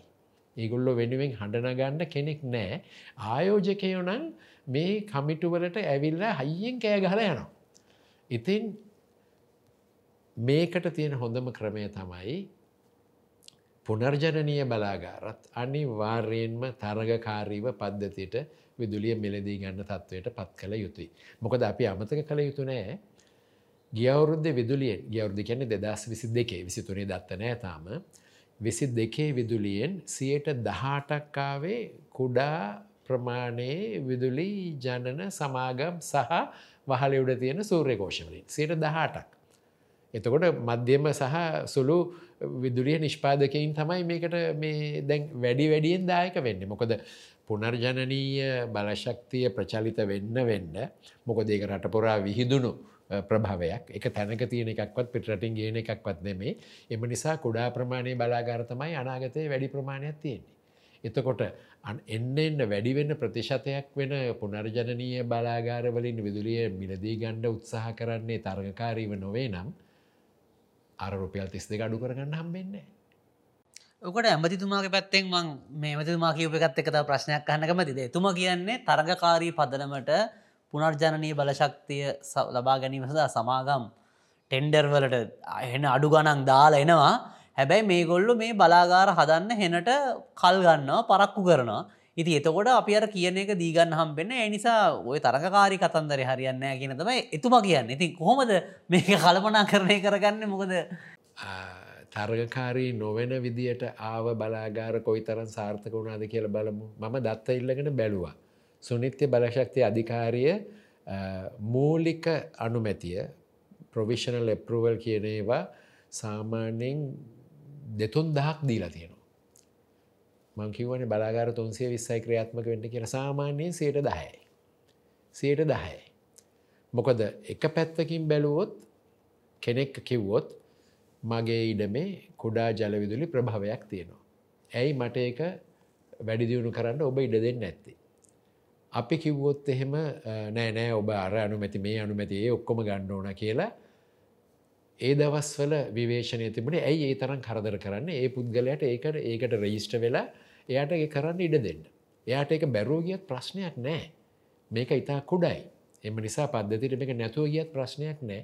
සාමාන්‍යයෙන් ඒ දුන්න අනුමැතිවල සාර්ථකත්වය සියයට දහයයි. ඒක සියයට දහයයි. එතකොට තරගකාරී නොවෙන ක්‍රමයට තරංකාරී නොවෙන ක්‍රමයට අනුමැතිය දුන්නේ වයේ සාර්ථකත්වයක් සියයට දහයයි. තරගකාරීව අනුමැතිය දීලා ක්‍රියාත්මක වෙච්චේවය සාර්ථකත්වය සියයට විස්සට එහා. තරංකාරී ක්‍රමවේදයක් තිබුණා. ඒක ඒක කනගාටුවකට වගේ කිසිම කෙනෙක් ඒක පිළිගන්න කැමතිනෑ මොකොද ඒක ක්‍රියාත්මක වුණේ මේ දෙදස් දාසය දහනවය පරාසේ. ඉතින් අර දේශපාලන වශයෙන් ඒකට කැමති නැති අය ඒක පිළිගන්න කැමතිනේ මං ඉලක්කම් කීපයක් දෙන්නම්කෝ. ඔබ යාපනය යනවනං ඔබ පලයි කියන ස්ථානයෙන් ටික වම් පැත්ත බලපුහම ඔබට සුළම් බලාගාරයක් පේනවා. ඒ සුළම් බලාගාරය තරංකාරී නොවෙන අන්දමට කමිටුවකින් තීරණය කරපු මිලකට තමයි විදුලිය නිෂ්පාදනය කරන්නේ විදුලි එකකයක් රුපියල් දහ නවයට. ඔබ ටිකක් ඈතට ඉස්සිලා බැලුවොත් ඔබට පුනරීන් පැත්තට වෙන්න තවත් සුළම් බලාගාරයක් පේනවා. ඒ බලාගාරය තරගකාරී ක්‍රමයට තමයි මිලදී ගත්තේ දෙදස් දාසේ නිකුත් කරපු ටෙන්ඩරයක් අනුව. රුපියල් දහතුනයි. රුපියල් දහතුනයි. ඉතින් තරගකාරීත්වය වෙන් මිල අඩුවෙනවයි කියන එකට ඔය මම එක ප්‍රයෝගික උදාහරණයක් කිව්වේ සුළම් බලාගාර දෙකක් තියෙනවා ඒ අඩුගාඩ ක්‍රියාත්මක වෙන තවත් බලාගාරයක් ළඟදී ඒ තරංකාරිව මිල ගණ නාපුේවා දැන්තම ඉදි වෙලා නිම වෙන්න පටන් ගන්නේ. පොළොමත ඉදි කරන සූරිය බලාගාර හදලිය පණහත් තියෙනවා. එතකොට කමිටුවකින් මිල තීරණය කරපු අයි රුපියල් විසිතුනයි සත දහයක් ගෙවනවා. තරගකාරීවාවේව ඔක්කෝම රුපියල් දාසය දාහත පරාසේ තමයි තියෙන. මම මේ කියන්නේ අපේ මේ රටේ ආර්ථික ප්‍රශ්නයට කලින් මිල ගණන් තීරණය කරපු මිල ගණන් කැඳවපු බලාගාර. දැන් ඒ ගණන් වලට කරන්න බැහැ ඒක හරි. නමුත් මම කියන්නේ තරඟකාරීත්වය අනිවාර්යයෙන්ම ඒවායේ මිල අඩු කරනවා. මොකද දරනාත් මම පාරිභෝගිකය පැත්තෙන් මේ ප්‍රශ්නය බලනවා. ඒ වගේම රජයේ පැත්තෙන් මේ ප්‍රශ්නය බලනවා. ඒ වගේම ආයෝජකය පැත්තෙනුත් බලනවා. දැන් කමිටුවකින් මිල තීරණය කරලා ඒ මිල ප්‍රකාශයට පත් කරනවා. අපි සුලම් බලාගාර සඳහා රුපියල් දහනමයක් ගෙවනයි කියලා. එතකොට සුලම් බලාගාරය සඳහා උපකරන සපයන පුද්ගල ඇති ඉලක්කම දන්නවනි එයා අපි කියන බැක්වඩ් කැල්කුලේෂණ කරනවා. එයා එයා ගෙදරහිල්ල එයා ගානක් හදලා ලංකාවරුපයල් දානමයක් ගෙවනවා. අහවල් සමාගම මගෙන් උපකරන ගන්න බිල ගන්න නිල්ල තියෙනවා. එතකොට ඒගොලන්ට යන යන වියදම මේකයි. ම බැක්වඩ් පස්සෙන් පස්සර ගණන් හදගෙන ගිල්ල ඒ සමාගම කියන හරි මම ලංකාව්‍යාපෘතයකට උපකරන දෙන්නේ මේ සුලං සුලං ජනකයන්ත්‍ර දෙන්නේ මේ මිලට. නමුත් මෙහෙ ආයෝජකය ගිහිල කිව්වොත් අයෝ මෙතන හරි තරගකාරිත්වයක් තියෙනවා අපිට දෙන්න ඔයාට පුළුවන් අඩුම මිල. එයා එයාගේ බැංකෝට ගිහිල්ල කියනවා දෙන්න මට අඩුම ෆයිනන්සිං ප්‍රපෝසල් එක අඩුම පොලියට දෙන්න. එතකොට මේ දෙගොල්ලන්ටමත් මේ බිස්නස් එක ඕනේ. ඉතින් එම නිසා මේ තුන් දෙනාම එකතු වෙලා පුළුවන් තරන් සාකච්ඡා කරලා ඒගොල්ලො අතරේ අඩුම මිලක් තමයි දෙන්නේ සාධාරණ තරගකාරී මිල කැදවීමක් තියෙද්දි. ඉතින් එහෙම නැතිනම් ඉතින් ඇස් පනාපිට මේ ඉලක්කන්ට එක තියෙනවා. විදුලි බල මණ්ඩලේ ජනන පිළිබඳ දත්ත පොත වෙබ් එකේ තියෙනවා. ඒක අරන් බලපුවාම බලන්න 16 වෙනි සහ ඔව්. දාසේවෙනි සහ දා හත්වනි සුළම් බලාගාරවලට ගෙවන ගාන අංක දාසය දාහත ඉලක්කං වලින් තියන්නම පෙන්ුවේ නම් තියෙනවා ඔය හැම එකටම. ඉතින් තරගකාරිත්වය වෙන් මිල් අඩු කරන්න බෑ කියන එක මට හරියට පිළිගන්න අමාරුයි. ව්‍යාපෘති පටගරන් කරන්න ඇතිය ඉන්නවා. ඒකට තමයි තරගකාරීව මිල ගණන් කැඳවද්දී බිඩ් බොන්්ඩ එකක් ගන්නේ. ඒගොල්ලෝ ඒගොල්ලෝ ඒගොලු දෙන්න ඕන සෙකියරිට එකක් ඒ කියන්නේ යම්කිසි ඩිපොසිට් එකක් තැන්පත් මුදලක් දෙන්න ඕන මම මේ ව්‍යාපෘතිය කරන බවට වග බලාගන්නවයි කියලා. ඉති එහෙම එහෙම ඒ වගේ දෙයක් කරපු ගමන් එහෙම තැන්පතු මුදලක් තියන්න පුළුවන් සහ තාක්ෂණික දැනුමත් තියෙන පමණයි ඒ වගේ කටයුතුවලට සහභාගි වෙන්නේ. එහෙම නොකළොත් නම් ඉතින් අනිවාර්යයෙන්ම මට ව්‍යාපෘතියක් කරන්න පුළුවන් වෙයි මට මේක ලැබුණොත් මට ඉඩමක් හොයාගන්න පුළුවන් වෙයි කියලා තාක්ෂණ කිසිම දැනුමක් නැති සමාගමුත් ඔය තරඟකාරී මිලගණන් වලට තරංකාරී ක්‍රමයට මිලගණන් එවනවා. ඒගොල්ලන්ව ස්ක්‍රීන් කරලා අයින් කරන්න හැකියාවක් තියෙනවා. ඇති රජයේ ප්‍රසම්පාදන ක්‍රමවේද අනුව මේවා ස්ටන්ඩඩ් ප්‍රක්ටිස් මේ මේ කොහොමත් කරන්න ඕන දේවල්. ඒක මේ විදුලි බල ශේත්‍රයට කියලා වෙංවීමක් නෑ. ඉතින් අලුත් පනතෙත් ඔය කාරණය පේ ප්‍රශ්නය විසඳල නෑ මේ ප්‍රශ්නය විසඳලට ඒ විතරන්න මේ ලොකු බලාගාරවලටත්. ලොකු බලාගාරවලටත් හරියටම පැහැදිලිව කියලනෑ මේ තරගකාරීව මිලගණන් කැඳවිය යුතුමයි කියලා. ඉතින් ඒක එතකොට එහෙම නන්ද මම කිවන රුපියල් තිස් දෙක තමයි ප්‍රශ්නය. තිස් දෙක ප්‍රශ්නය තිස් දෙකට වඩා පහලට ගේ ඕන අපි. එතොර තිස් දෙකට වඩා පහ මගේ ටාගට් එක විස්සයි. මේ තිස් දෙක විස්සට ගෙන් ඕන. විස්සට ගෙනාව නැත්තම් පාරි මුන්න පනත් ගෙනවත් පාරිභෝයකට සාධාරණයක් වෙන්නේ නෑ මේ තිස් දෙක කියලා ගැන මේ අලුත් මිල තත්වයටද උද්දමන මේ හැත්ත දෙකට ගිහිල්ල දැන් මේ තත්ව යටතේ රුපියල් තිස් දෙක තමයි විදුලි ඒකකයක් නිෂ්පාදනය කර බෙදා හැරීම සඳහා යන වියදම. විචල්ල වියද විචල්ලි වේදම බෙදා හැරීම් පද්ධතිය කෙලවරදි. මොකද සම්ප්‍රේෂණය පද්ධතිය කෙලවරදි ඔක රුපියල් විසිනාවයක් විතරෙනවා මංකවන නමයි දසම පාක හානියක් තියෙනවයි කියලා ඒ කරක්ෂණය කරපු හම ඕක තිස් දෙකක් වෙනවා. එතකොට ඔය තිස් දෙක අපි ගේන්න ඕන විස්සට. එතකොට තමයි පාරිභෝයකට සාධාරණයක් වෙන්නේ. විදුලි බල මණ්ඩලේ කොටස් කීපයකට කඩලා මේ සමාගම් ඉතාම කාර්යක්ෂම වෙලා කාර්ය මණ්ඩලේ ටිකින් ටික අඩු කරලා වැඩ කරන වැඩ කටයුතු කාර්යක්ෂම කළොත් ම හිතන රුපියල් එකොලා ස්ථාවර වියදමන එකොලා ඒක මම හිතනවා දහයටතර අඩු කරගන්න පුළුවන්. නමුත් අපි අමතක කරන්න හොඳ නෑ දැම් මේ සමාගම් හැටියට මේ අපි හිටපුහ මේ ගොලු ලාභයක් බලාපොරොත්තු වෙනවානි. ඒ සමාගම රජයට අයිති සමාගමක් නම් ඒ විදිහටම තියෙනවන රජයට කියන්න පුළුවන් හරි තව අවුරුදු දහයක් තිස්සේ අපිට ප්‍රතිලාභ එපා. නමුත් රජයට බරක් නැති විදිහට සමාගම් පනත යටතේ මේක කරගෙන යන්න. නමුත් බෙදාහැරීම් සමාගමක් විකුණා දැම්මොත් එහෙම එතකොට ඒගොල්ලන්ට අර රුපියල් එකොළහ මදි වෙනවනි මොකද ඒගොල්ලෝ කරන ආයෝජනයට ප්‍රතිලාභයක් ඕනනි. එතකොට ඒ ප්‍රතිලාබය මම මහජන උපෙකතා කොවස මේ නිශ්චිත ක්‍රමවේද අනු ගණන් හැදල බැලුව තව රුපියල් දෙකක් එකතු වෙන්න ඕන විදුලි එකකට. එතකොට පුද්ගලීකරණය සහ කොටස් විකුණුවොත් අනිවාර්යයෙන්ම ස්ථාවර වියදම අවම වශයෙන් රුපියල් දෙකක් උඩට යන. මොකද පුද්ගලික සමාගම ආයෝජන කළ නිකං ඉන්න නෑන හරි ඒගොල්ලෝ කාර්යක්ෂමතාව වැඩි කල රුපියලක් ඉතුරු කරගනි. තව රුපියල් දෙකක් ලාභයක් හැටියට ගනි. ඔන්න ඔය ඔය ඕ තමයි පරාසේ මට හරියටම තිතට කියන්න අමාරුයි. මොකද එක සමාගම් එක වික විදිහට බලන්නේ. එතවට එතන වියද වැඩිවීමක් වෙනවා. ඒ වැඩිවීම අපිට අනිත් පැත්තෙන් අර තිස් දෙක විස්සට අඩු කිරීම අත්‍යවශ්‍යමයි. ඒක කරන්න බැරිනම් මේ වෙන මහන්සේ වැඩක් නෑ. පාරිබෝයකට සාධාරණයක් කරන්න බැරින මොකද පාරිබෝයක දැඟිල්ලන්නේ මගේ ගෙදරට කරන්න දෙන්න කියන නෙමේ කරන් තියෙනවා. කරන් තියෙනවා. නමුත් එයා දැන් ඉල්ලන්නේ මට ව්‍යාපාරයක් කර ගැනීමට මගේ ව්‍යාපාරයෙන් නිෂ්පාදනය කරන බාණ්ඩය මට පිටරටකට විකුණලා තරකාරය විකුණල මේ ව්‍යාපාරය කර ගැනීමට සුදුසු විදුලි සේවාවක් සහ විදුලි මිලක් දෙන්න. ඉතින් ඔබ කියන්න පුළුවන් ඒ විදුලි බිල ඔය වියදන් වලින් ලොක කොටසක් නෙවෙයි කියන නමුත් ඉතින් අර රටේ තියෙන අනිකුත් ප්‍රශ්න එක්ක විදුලි බිලත් ඒකටම දරුණු විදිහට බලපාපුහම ආයෝජකයෝ රටින් යනවා. දැන් අපි අපි පිටරට ගිහම සමහර වෙලාවට මගේ ශිෂ්‍යයෙන්ට මට හම්බෙනවා ගුවන් යානයේද. එතොට මඟහන කොහෙද ගිය කියලා. මේ අපි බංගලදේශයට ගියා. මේ මොකටද ගියේ? අපි මේ ෆැක්ටරි දහයක් එහි දහලා තියෙනවා එකොළොස් වෙන එකට ඉඩමක් බලන්න ගිය. මේ ලංකාවේ ආයෝජකයෝ. ලංකාවේ ආයෝජකයෝ. ඉතින් එහෙම නෙමේනි වෙන්න ඕන. බංගලදේශ ෆැක්ටරි මෙහාට අරන් ඉන්න ඕනනි. ඉතින් අපිට ඒ වගේ පුද්ගලයෝ හම්බෙන්නේ නෑ මේ එහි ආයෝජන මෙහි අරගෙනවයි කියන අය. ඉතින් අන්න ඒකයි අපි කළ යුත්තේ. ඉතින් ඒ මිල පිළිබඳ ප්‍රශ්නයට මට සෑහෙන්න පුළුවන් විසඳුමක් මේ පනත් කෙටුම් පතේ මම දැක්කේ නෑ.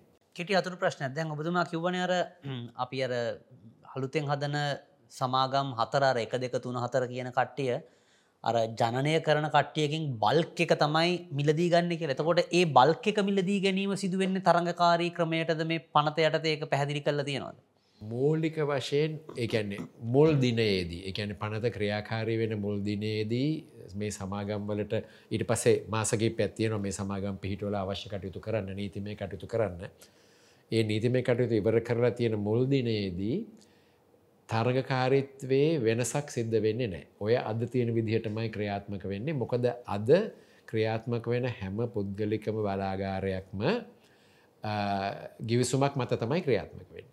එතකොට එදිනෙදා තරකාරිත්වයක් අලුතෙන් බිහි වෙන්නේ නෑ. එතකොට පවපචෙස ග්‍රිමන් කියල කියන්නේ එකට තර ඔබ ඔබේ වහල උඩ තියෙන සූරය කට්ටලයෙන් විදුලිය සපේනවන එක ඒ විදිහටම සිද්ධ වෙනවා ඔබට අදාළ සමාගමෙන් තමයි ගෙවීම ලැබෙන්නේ. ඉතින් නමුත් ඊළඟට මේ පනතේ තව ලොකු කාරණයක් තියෙනවා ඉදිරියට. මේ පනතේ තියෙනවා ෆ්‍රී මාකට් එකක්. ඒකැනෙ කම්පිටිටව් මාකට් එකක් පිහිටවීම විදුලිය සඳහා. ඒකැන්නේ ඉතා අනාගතය ගැන අවුරුදු තුන හතර වන අනාගතයේ විදුලිය මිලදී ගැනීම මේ දීර්ඝකාරීන ගිවිසුම් වලින් එලියට ගිහිල්ලා අපි සරලව කිව්වොත් එදිනෙදා සිද්ධ කරන ටෙන්ඩර් කැඳවීම මගින් කෙරෙන තත්ත්වයට අරගන යෑම සඳහා අවශ්‍ය කරන නීතිමය ප්‍රතිපාදන මේ පනතේම තියෙන. කම්පිටිටව් මාකට්. එතුරේ කම්පිටිෂ කම්පිටිටව් මාකට් එකක් ඇතිවෙන්ඩ පුළුවන් ප්‍රොකියෝමන්ට of එග්‍රීමන් සර දැන් තියෙන් එහෙමනි එක ඒකත් මම කිව්වා තරංකාරී නෑ දැන් උදාහරණයක් හැටියට අප හිතමු කෙරවල පිටිය තාප බලාගාරය කෙරවල පිටිය තාප බලාගාරය සඳහා ටෙන්ඩර් ගැදවීමක් තිබුණා. ටෙන්ඩර් කැඳවීමක් තිබුණ. ඒකට දැන් අලුතෙන් හදාගෙන යන එක සඳහා ටෙන්ඩර් කැඳවීමක් තිබුණ. එතකොට ගිවිස්සුමක් සඳහා තමයි ටෙන්ඩරය කැඳවන්නේ. මිසක් බලාගාරයක් පිහිටවීම නෙමේ. ගිවිසුමේ තියෙන බලාගාරය. නමුත් මෙ මෙහෙම තත්ත්වයක් තිබුණොත් හෙට පෑකාලෙන් කාලට රටට අවශ්‍ය විදුලි ප්‍රමාණය අද දවල් එකොළ හට ඊ ටෙන්ඩර එකක් මගින් ප්‍රකාශයට පත් කරනවා. ඒ ප්‍රකාශයට පත් කරපු හම අපිතුම කෙරවල පිටිය බලාගාරය කියනවා මම මෙගවට් තුන්සියක් දෙන්න. යුගදනයි බලාගාරය කියනවා මම හාරසියක් දෙන්න මෙන්න මෙම මිල ගණන්වලට. පුනර්ජනනය බලාගාරවරුත් ඒ වගේ යෝජනා එනවා. ඊට පස්සේ ඉලෙක්ට්‍රොනිකලි ඒ අතර තියෙන හොඳම කොම්බිනේෂන් එක අරගෙන පද්ධතිය පාලනය කරන්න පුළුවන් විදිහට ඒකට හොඳ පුරෝකතන තියෙන්න්නත් ඕන හෙට සුළඟ සුළගේ වේගේ කොයි වගේ වේද හෙට ඉරපායන්න කොයි වගේද ඒ ඔක්කොමත් තියෙන්න්න ඕන. ටිකක් අමාරු කාර්යයක්. නමුත් තියරටිකලි ඒ වගේ සම්පූර්ණ තරංකාරිත්තය අනුව අද දවල් කොල්හට මිල ගණන් කැඳවල දවල් දොළහ වෙදදි ප්‍රකාශයට පත් කරන්න පුළුවන්. හෙට පෑ කාලෙන් කාලට විදුලිය මේ මේ බලාගාරවලින් මේ මේ ප්‍රමාණවලින් තමයි ලැබෙන. ඒක අල්ටිමෙට් එක. මම කිසිම රටක් එතෙන්ට ගිහිල නෑ දරනත් ඒක නිසා මේ මමනික තියර කියල කියන්න එපා. නමුත් ඉන්දියාව ඒගොල්ලන්ගේ විදුලි සැපයුමෙන් ආසන් වශයෙන් සයට පහලවක් විස්සක් විතර ඔය ඩේහෙඩ් මාකට්ටගෙන් තමයි ගන්න. මේ සෙල්ලම කරන්න නං පද්ධතිය අවශ්‍ය ප්‍රමාණයට වඩා වැඩි ජනන ධාරිතාවත් තියෙන් ඕන. දැ අපේ රටේ ප්‍රශ්නය ඒක නෑනෙ. දැන් පද්ධතිය ඉල්ලුම මෙගවෝඩ් දෙදස් දෙසීය නං පද්ධතියේ තියෙන්නේ මෙගවෝඩ් දෙදහක් විතර තමයි අර ටිකක් මිලාඩු ප්‍රමාණයේ බලාගාර. මෙගවෝඩ් දෙසීය තුන්සියක්ම තියෙන්නේ අධික්ක මිල තියෙන රුපියල් සීය දෙසීය වියදන් වෙන තෙල් බලාගාර. එතකොට ඒ බලාගාරත් දිනපතාම පුරුද්දක් හැටියට මේ ක්‍රමවේදයට එනවා නම් විදුලේ මිල අඩු කරන්න හම්බෙන්නේ නෑ. ඉතින් එම නිසා ඒ අධිකමිල තෙල් බලාගාර මේ ක්‍රමවේදයට තරකාරිත්ව යටතේ එනවා නම් එන්න ඕන රටට ලොකු කරදරයක් වෙච්ච වෙලාවට. ඒකැන දවස් ගණන් වහින් නැතුව එතකොට මේ යල් විදුලිය ඉතාම අඩු මට්ටමට ඇල්ල නිකන් සුමානය දෙකක් වගේ ක්‍රියාත්මක කරන්න. නමුත් ඒක ස්ටන්ඩඩ් ප්‍රසීජර එක වුණොත් දැන් කෙරවල පිටිය බලාගාර දෙකම තෙල්වලින්න ක්‍රියාත්ම කරන්න. ඉතින් තෙල් ලීටරයක් කියදකි ලොබ දන්නවානේ. තෙල් ලීටරයක් දැම්හම හොන්තම බලාගාරයටත් පුළුවන් විදුලිය එක පහයි ජනනය කරන්න. ඉතින් තෙල් ලීටරේ ගාන පෙට්‍රෂෙන් දෙකින් බලාගෙන ඕක පහෙන් බෙදවාම උත්තරේ රුපියල් අසුවට වඩා වැඩිනි හරි රුපියල් අසුව අසුව පරාසයන තියෙන්නේ ඉතින් මම කිව්ව මම මේ තිස් දෙක විස්සට අඩු කරන්න හදද්දි අසුවෙන් මොනවා කරන්නද. ඉතින් ඒ ප්‍රශ්නයට විසඳුමක් ලැබෙන්න නම් මේ රටේ විදුලිය අඩුවියදම් විදුලිය ජනනය කිරීමේ බලාගාර ප්‍රමාණය වැඩි වෙන්න ඕනි. එහෙම වැඩිවෙන් නැතුව අපි මේ වගේ වෙළඳපොළ තරගකාරී තත්ත්වයකට ගියොත් දැනටම තරකාරිත්වයන්නේ නමුත් වෙළපොළ තරකාරී තත්ත්වයකට ගියොත් ඉතාම විනාශකාරී තත්ත්වයකට එන්නේ. එම නිසා මේ පනත ක්‍රියාත්මක කරනවා නම් මන්දන්න එක පාලිමෙන්තු තීරණය කරන්න ඕන. මේ පනත ක්‍රියාත්මක කරනවා නම් ඒ ගැන ඉතාම පරිස්සං වෙන්ඩෝන වෙරටවල්ල වෙච්ච ප්‍රශ්න අධ්‍යයනය කරන්න සමහරටවලට මේක කොටස්වලට කන්නලා ඊට පස නැවත එකතු කරලා. උදාහරණකනට කැනඩාව සමාර සමාගම් නැවත එකතු කරලා තියෙනවා. ඔය සම්ප්‍රේෂණ කොටස් දෙක ඒකන්නර ඉන්ඩිපෙන්ඩ සිස්ටම ඔපරේට සහ transmission network operator network operator කියන ඒ දෙන්නව එකතු කරලා නැවතත් එක සමාගමක් හදල තියෙනවා. ඉතින් ඒ වගේ වෙනස්කම්කින් කර තිනවා කැලිෆෝනියා ප්‍රාන්තය ලොකු ප්‍රශ්න වගේයක් ආව. මොකද තරගකාරිත්වයට ගිහාම විදුලිය නිෂ්පාදනය කරන සමාගම්වලට පේනවා මේ තියෙන බලාගාරයකින් ගොඩක් හම්බ කරගන්න එක ලේසි අලුතින් ආයෝජන කරනවට වඩා. එතකොට ඒගොල්ලෝ දැ හැමෝ මේ විදිට හිතුවොත් සහ ක්‍රමවේදයක් නැතිනම් රජය මැදහත් වෙලා බලාගාර කීපයක් හදලා මිල පාලනය කරන්න එතකොට පද්ධති විදුලිය නිෂ්පාදනය විද වැඩිවේකට වැඩිවේනය මේ නිකන් තින බලාගාරවලටත් වැඩිමිලක් ගෙවන්න පටන් ගන්න. එතකොට අවසානයේ ක්‍රෑශ් එකක් තමයි වෙන්නේ. ඉතින් ඒ වගේ දෙයක් නොවෙන්න ඉතාම පරිස්සමෙන් තමයි එදිනෙදා තරඟකාරී තත්ත්වයක් අපි පද්ධතියට ගේනොට ඊට කලින් කළ යුතු ගොඩාක් දේවල් තියෙන. මං තව අතුර ප්‍රශ්නයක් කන කැමති ඔබතුමාර කියපු රුපියල් තිස් දෙකේ විශල්්‍ය වියදම සම්බන්ධය. දැන් අපි දන්නවා විදුලි මිල ඒකකයක මිල තීරණය වෙනවා මගේ දැනුම හැටියට. ඒක නිෂ්පාදනය කරන වෙලා වනු වෙලා වනුව කියලා කියන්නේ අර බේස් ලෝඩ් එකත් තියෙනවා. එතකොට අපි කියනවා තාප ජනනයෙන් සඳහා ඒ පාවිච්චි වෙනවනම් ඒකක මිල වැඩිය ඔබතුමා පැදිලිය කිව්වගේ ඩීසල් බලාගාරවලින්. එතකොට ඉන්දියාව වගේ රටවල්ල මේ මිල අඩු කරලා තියෙන්නේ සමහර අවස්ථාවලද විදුලිය විසන්ධි කරන නිසාද? මොකද එහෙමුණොත් තාපය ජනය කරන බලාගාර අක්‍රිය කරලා අපිට විදුර ඒකක මිල පල්ල හතියන්න පුල මොකද අපි තාපය බලාගාර ජනය කරන්නද වෙලාට විදුලිය කපල දානවා ඒක ප්‍රදේශවලට. ඒකත් එක හේතුවක්ද? මොද අපේ අපිගෙන පැවිසි අතරක කණ්ඩ විදිලි සැපයුමක් තියෙන ම මේ ගහන්න එතකොට ජනතාවට අවබෝධ කරගන්න පුළුවන්. මොකද මේක සිදුවන ක්‍රමවේද තොට විචල්ල වේද මඩු කරන්න ඕනේ. ඔබතුමා යෝජනා කර ඇත්තනම පුනර්ජනනය ඒව සඳහා තරගකාරී විදියට කරානන් තමයි අපිට මේක රුපියල් විස්ස දක්වා අරගෙන එන්න පුළුවන්. අර අරකත් මම කැමති දැනගන්න. ඒ අනිත් රටවලට ඔය කියන තරමට අඩු කරලා තියෙන්නේ මොන ක්‍රමයෙන්ද? හරි. බංගලදේශය ඉන්දියාව මැලේසියාව ඉන්දුනීසියාව තායිලන්තය දකුණු කොරියාව. මේ රටවල් හැම එකක්ම හොඳ විදුලි ජනන සංකලනයක් පවත්තාගෙන යනවා. ඉන්දියාවේ පුනර්ජනනය බලාගාරවලින් ඩැබෙන්නේ ම අන්තිමට බලාදිතුමනි සයට විසිතුනක් ශක්ති ප්‍රමාණයෙන් සයට විසිතුනක්. ඉතිරිය ඉතිරිය වැඩි ප්‍රමාණයක් එන්නේ ගල්නගුරු බලාගාරවලින්. එතුර ගල්නගුරු දැන් නොරච්චොලි බලාගාරයේ අද විදුලි නිෂ්පාදන වියදම රුපියල් විසි එකයි. රුපියල් විසි එකයි. එතකොට බංලදේශය ගල්ලගුරු බලාගාර දැන් මංහිතන තුනක් ක්‍රියාත්මක වෙනවා තව දෙකක් හැදමින් පවතිනවා. ඒ වගේමයි අනිත් රටවලුත්. එතකොට ඒ හැමෝම හොඳ සමතුලිතතාවයක් පවත්තාගෙන යනවා ඒකන්නේ අපි පුනර්ජනනීය බලාගාර පමණක් හදමු කියන තරගයට සහ ඉලක්කයට යද්දී ඒ ඉලක්කය වැරදුනොත් මොකද කරන්න කියන එක ගැන අනිත් රටවල් පැහැදිලි විසඳුම් අර්ගන තියෙනවා. ඒගොල්ල දැ ඉන්දියාව පුනර්ජනය බලාගාර හදන්න ඇද හදනවා අති විශාල සුලන් බලාගාර සූර්ය බලාගාර හදනවා. ඒ හැම එකක්ම තරගකාරී මිලට ගන්න. ඉතින් ඉන්දියාවට එම නිසා හැකි වෙලා තියෙනවා ගල්ලගුරු බලාගාරවලින් ලැබෙන ශක්තියත් එකන ස්ටැබිලිටි තාක්ෂණික ශක්තියත් ඒ වගේම අඩු වියදමත් භාවිතා කරලා පුනර්ජනනීය බලාගාරවලින් තියෙන සහයෝගයත් අරගෙන තමුන්ගේ පාරිභෝගයට අඩු වියදමට විදුලිය දෙන්න. මැලසියාව කරන්න ඒක මැලසියා කරන වැඩි දන්න මැලසිය හරි ලස්සන වැඩක් කරන්නේ. මැලසියාව ගල්ලඟරු නෑ. මැලසියාව තෙල් තියෙනවා. හැබැයි තෙල් භාවිතා කරන්න ඒගොල්ලු විදුලිය නිෂ්පාදනයට. මොකද ඒගොල්ලන්ගේ තෙල්වල ගුණාත්මක භාවය වැඩි. තෙල් ටික පිටරට යවල පිටරටින් ගල්ලඟුරු ගෙනල්ලා ඒගොල්ලු විදුලිය නිෂ්පාදනය කර ඊට අමතරව ගෑස්වලින් සහ පුනර්ජනනය බලාගාරවලින්.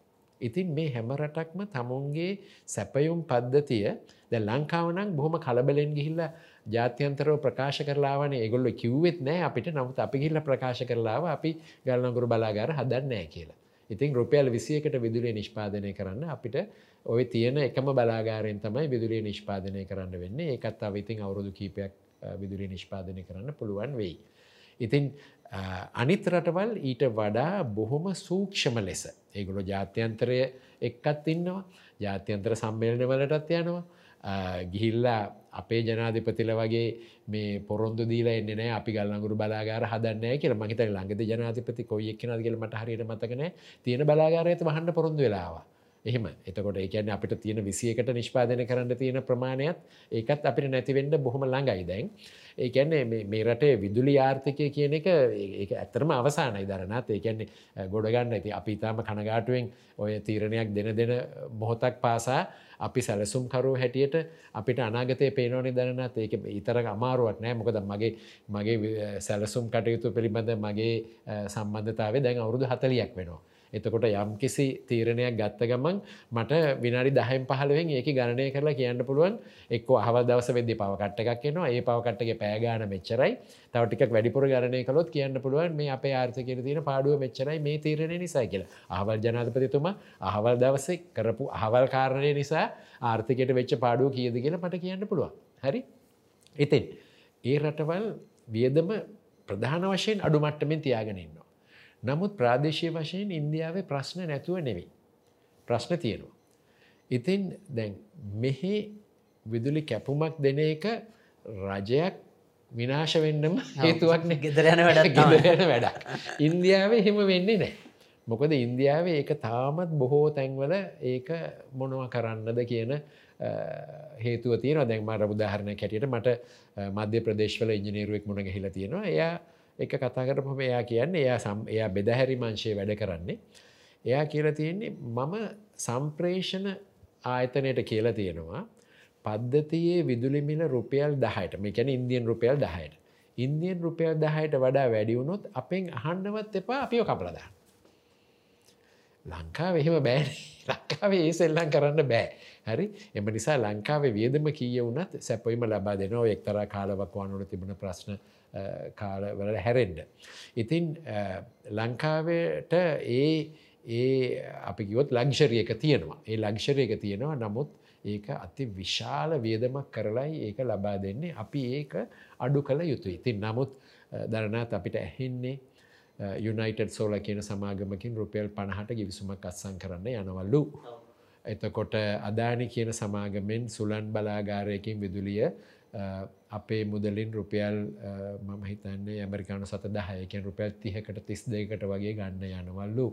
දැන් ඔතනම තියෙන මන්නාරම බලාගාරය විදිලි බල මණ්ඩලේ හැදුලයි හැදුවේ දෙදස් විස්සරි හදල ඉවර කළේ එතකොට ඒකේ හැබැයි ලාභයක් නැතුව ලාභයක් නැතුව ආයෝජනය රිකව කිරීමට යන වියදම සහ නඩත්තු වියදම සලකා බැලුවොත් ඒකෙන් විදුලි ඒකකයක් අද නිෂ්පාදනය වෙන්න ඇමරිකානු සත හතරක් කතරා මාරක් වගේ ප්‍රමාණයකට එතකොට අර්මම කියන්න අර අප මගේ තිස් දෙකට වඩා අඩුවන මේ ගන්න එතනයි මට මම මට ඕන පොයින්් එක මේ රටේ විදුලිය මහජනයට සාධාරණයක් කරන්න නම් අපි විදුලිය නිෂ්පාදනය කිරීමේ විචල්ලි වේදම රුපියල් විස්සට ගේන්න ඕන. එතකොට තිස් දෙකට වඩා යමක් අඩුවේ නම් ඒ ගැන මගේ ලොකු ආකර්ශණයක් තියෙනවා. ඉතින් සුළම් බලාගාරවලට ඒ වැඩේ කරන්න පුළුවන්. හැබැයි අපි තරගකාරීත්ව තරඟකාරීව ඒ බිලදී ගැනීම් කළොත්. එතකොට රුපියල් තිස් දෙක ගානේ ඔයා අපේ මිත්‍රයා මේ ඔයා අල්ලපුරට කෙනෙක්නේ අපි වැට තිස් දේ ගානේ අස්සන් කරන්න ඩොලර් වලින්ම අත්සන් කරන්න කියලා කිව්වෝත්. ඉතින් එතකොට රුපියල අව ප්‍රමාණය වුණොත් අපිට කව්හරණක් නෑනේ. දැන් බලන්න කුඩා ජලවිදුලි බලාගාර එක දස් නවසය අනු හයේ පිහිටෝපු පළවෙනි කුඩා ජලවිදුලි බලාගාරය දික්කොය. දික්කොය ඒ කුඩා ජලවිදුලි බලාගාරය විද්‍යාශිල්ප කියන සමාගම තමයි කළේ තාක්ෂණංශයේ ඒගොල්ලො ඉදිරියට ගිය සමාගමක් අද විදුලිය නිෂ්පාදනය කරලා රුපියල් හත්තකට හත අට පරාසේ ප්‍රමාණයකට තමයි විදුලි බල මණ්ඩලයට දෙන්න ඒගොල්ලොත් ලාභයක් තියාගෙන. එතකොට රුපියල අවප්‍රමාණය වුණේ වෙන්නඇතු අපි ඩොලර් වලින් යායට ගෙවන්න එකඟ වුණාන එයාට අඩුම තරමින් රුපියල් විසි පහක් ගෙවන්න වෙනවාද. ඩොලර් නෙමේ එයාට රුපියල් වලින් ගෙවන්න. එතකොට රුපියල් හතයි කියන්නේ ඇමරිකානු සත දෙක හමාරයි.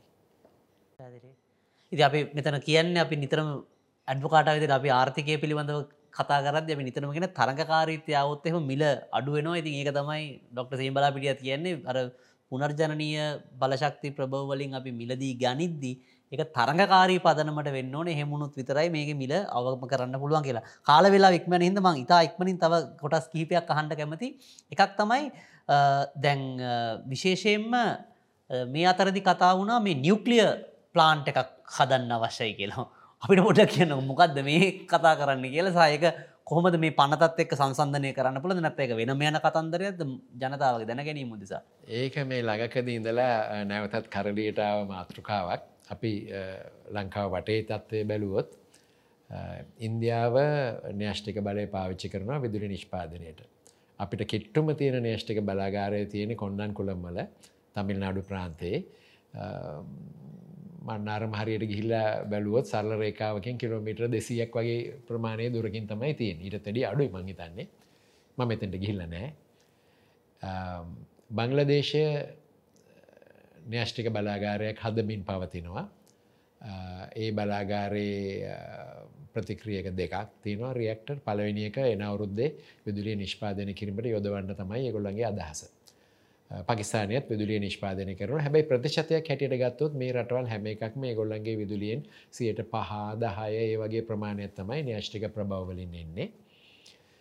ඉතින් පහුගේ වකවානුවේ විශේෂෙන් පහුගේ හයමාසේ අවුරුද්ධ වගේ කාලය ඇතුළත නැවතත් මේ න්‍යෂ්ටික බලය කියන එක ලංකාවෙත් පිහිටවේ යුතුයි කියන අදහස නැවතත් සාකච්ඡා වෙනවා. ඉතින් මේ සතියන්තයේ පුවත් පත්වල තිබුණ රුසියාවෙන් ඇවිල්ල තියෙනවා යෝජනාවක් ඒ යෝජනාව හොඳයි කියලත් කියනවා මම හගනයි යම් කිසි වෘත්තිකයෝ. ඉතින් න්‍යෂ්ටික බලාගාර සඳහා මට කියන්න බෑ මම එකට විරුද්ධයි හෝ පක්ෂයි කියලා. මට කියන්න තියෙන්නේ ඒ ගැන තීරණයක් ගන්න ඉස්සල ගොඩා කරුණු සාකච්ඡාවට භාජනය වෙන්න ඕන. අපි රටක් හැටියට ඒ තීරණය අපි ගන්න ඕනේ සියලුම කරුණු සාකච්ඡා කරලා ඒ ගැන වාදවිවාද කරලා ෆයිට් කරන්න නැතුව කරුණු තේරුම් ගැනීම තමයි ඉතාම අවශ්‍ය. ඉතින් මම ඉතාම කෙටියෙන් කියන්න පලනි කාරණය තමයි න්‍යෂ්ටික බලාගාරයක් කියන අතිවිශාල ආයෝජනයක්. ඒ ආයෝජනය මම හිතන අපිට ඕනනම් කරගන්න පුළුවන් කරගන්න පුළුවන්. ඒ වගේම කාර්ය මණ්ඩලය මේ විදුලි ඉංජිනීරුව කීප දෙනෙකොට එකතු වෙලා දුවන්න පුළන් බලාගාරයක් නෙවේ එක. ඒකට න්‍යෂ්ටික විශේෂඥෝ අවශ්‍ය වෙන න්‍යෂ්ටික තාක්ෂණය කියන්නේ nuclear physics nuclear chemistry nuclear medicine එතකොට ඒවා එක්ස්පර්ට්ස්ලා ඕන ඒවයි රීසර්ච් ඕන ඒවයි ටෙක්නිෂන්ලා ඕන ඒ වගේමයි අනිකුත් ඉලෙක්ට්‍රිකල් එන්ජිනියස් මෙකැනිකල් එන්ජිනියස් ඒ හැමෝම අවශ්‍ය වෙනවා ඒකැන මේක ඉතාම සාමූහිකව uh, කළ යුතු ව්‍යාපෘතියක් ඒ ව්‍යාපෘතියක් ඉදි කරන්න විතරක් අවුරුදු දහයක් විතර වැෑ වෙනවා. ඊටත් කලින් අවුරුදු පහක විතරිඳලා අපි මේ කාර්යමණ්ඩලය පුහුණු කරන්න පටන් ගන්න ඕනි.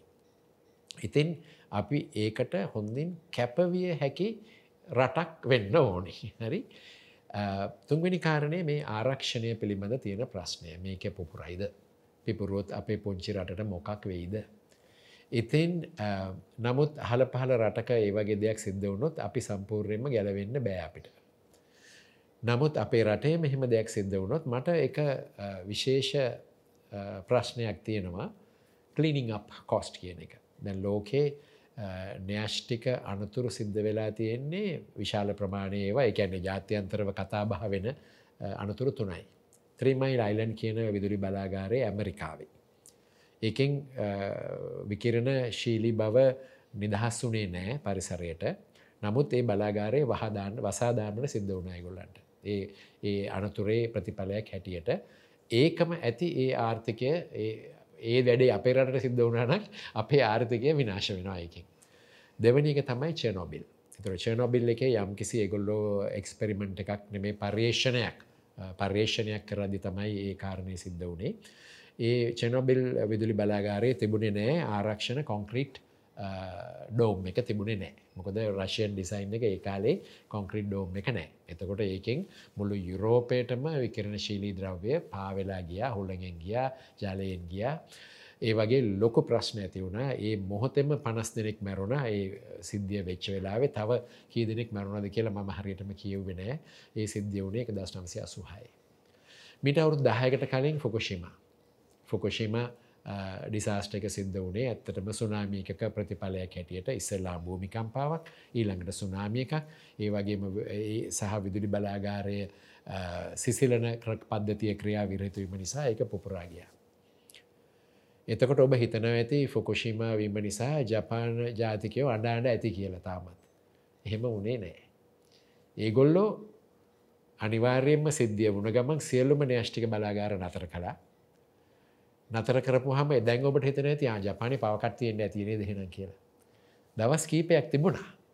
ඊට පස්සේ ජපාන ජාතිකයෝ ඒගොල්ලොම ඉල්ලුම අඩු කළා. පවකට අවශ්‍ය නොවෙන ප්‍රමාණයට.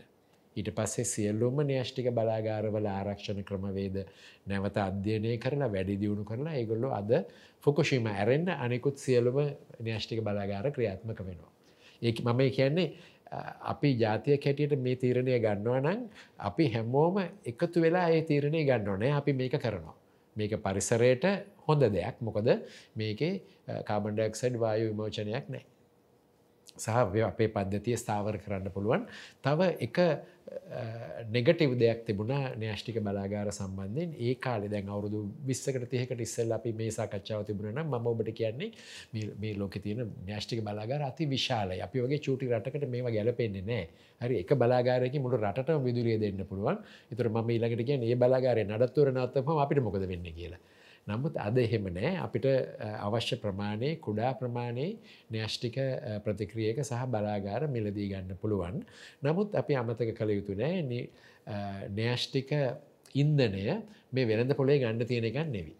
එතකොට ඒ සඳහා අපි ඔය ප්‍රධාන න්‍යෂ්ටික සැපයුම් රටක් එක්ක රුසියාව ඇමරිකාව චීනය ඒ කායෙක් හරි අපි ගිවිසුම් අත්සං කරලා ඒගොල්ලො එක්ක අනිවාර්යයෙන්ම දේශපාලන බැඳියාවකුත් තියෙන්න ඕනේ. එතකොට ඒකත් අපි අමතක කළ යුතු නැහැ.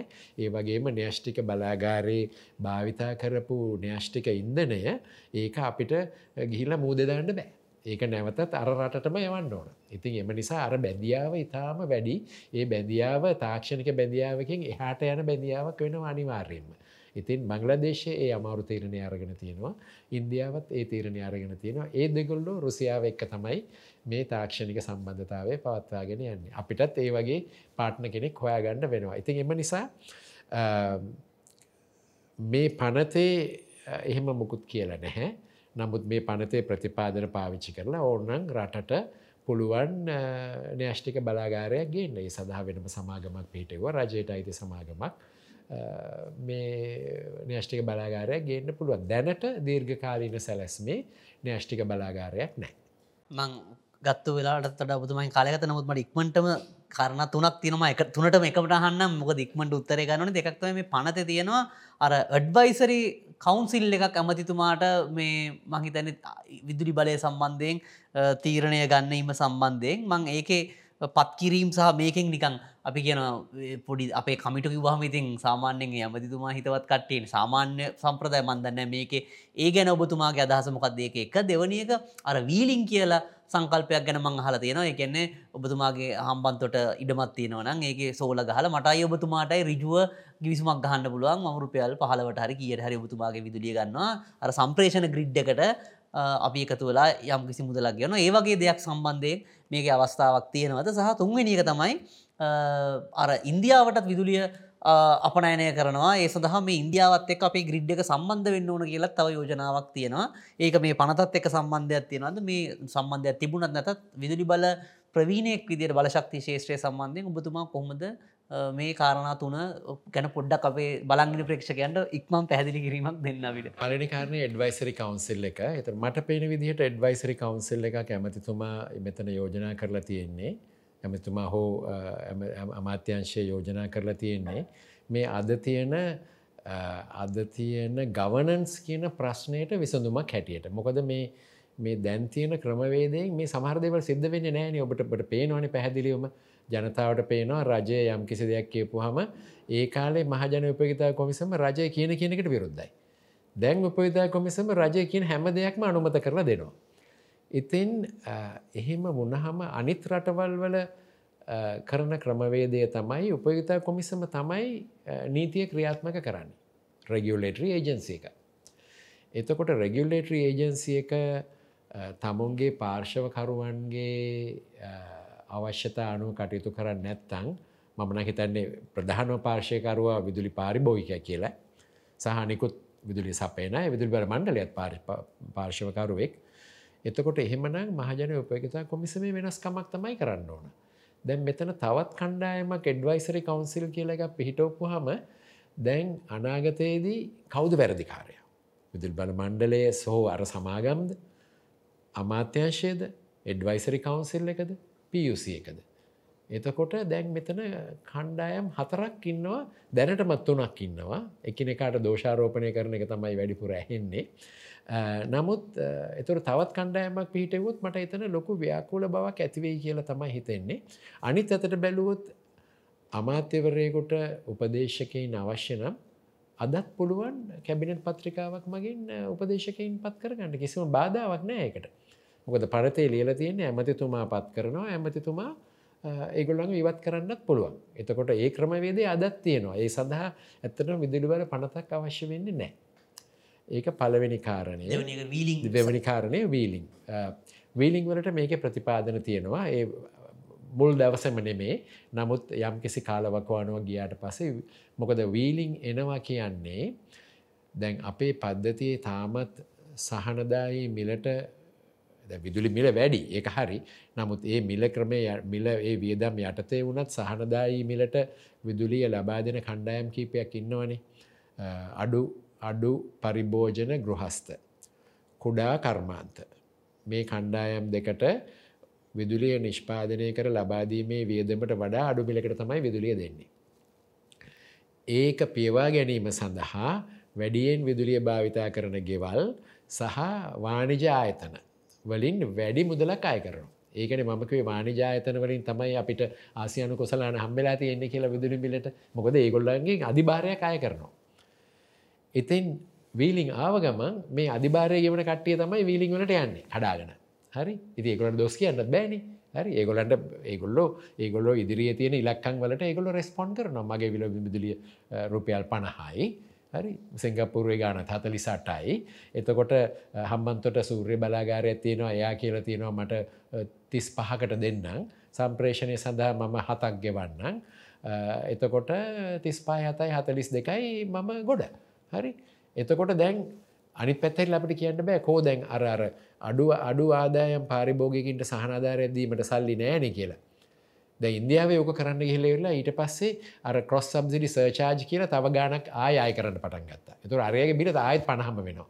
ඉතින් ඒ වගේ දේවල් නොකර අපි ක්‍රමක්‍රමයෙන් සහනාධාර අඩු කරලා පාරිභෝගිකයා ගෙවන මිල සමානයි ඔහුට විදුලි ලබාදීමේ යන වියදම කියන එකට හැම පාරිභෝගික කාණ්ඩයම ගේන්නවා ඒ නොබතුමා කියන්න මේ හෙම එක එක්කෙනට එක්කෙනෙකින් වැඩියෙන් අය කරගන්න ගරගෙන අනිත එක්කනට දෙන්න බේ විදුලි බල එකකයක් කියලා කියන්න ඒකට යන වියදම කාගෙන් වුණත් ඒකට ගැලපෙන විදිට අය කරගය කරගන්න ඕන. එතකොට තරකාරිත්තයාවහම එතකොට අර හම්බන්තොට තියෙන අපිතම සූරය බලාගාරයට බලන්න ඕන ද මේ පුද්ගලයෙක්ක මගේ විසමත්සං කලොත් අවුරුදු පහයි එයා ඇස්සං කරන්නේ නමුත් විදුලි බල අර සිස්ටම් ඔපරේට කියනෙක් කියෙන අවුදු විස්සක් අස්සං කරන්න කැමති තුන මට වන්න වැඩි ප්‍රතිලාබය මොකක්ද.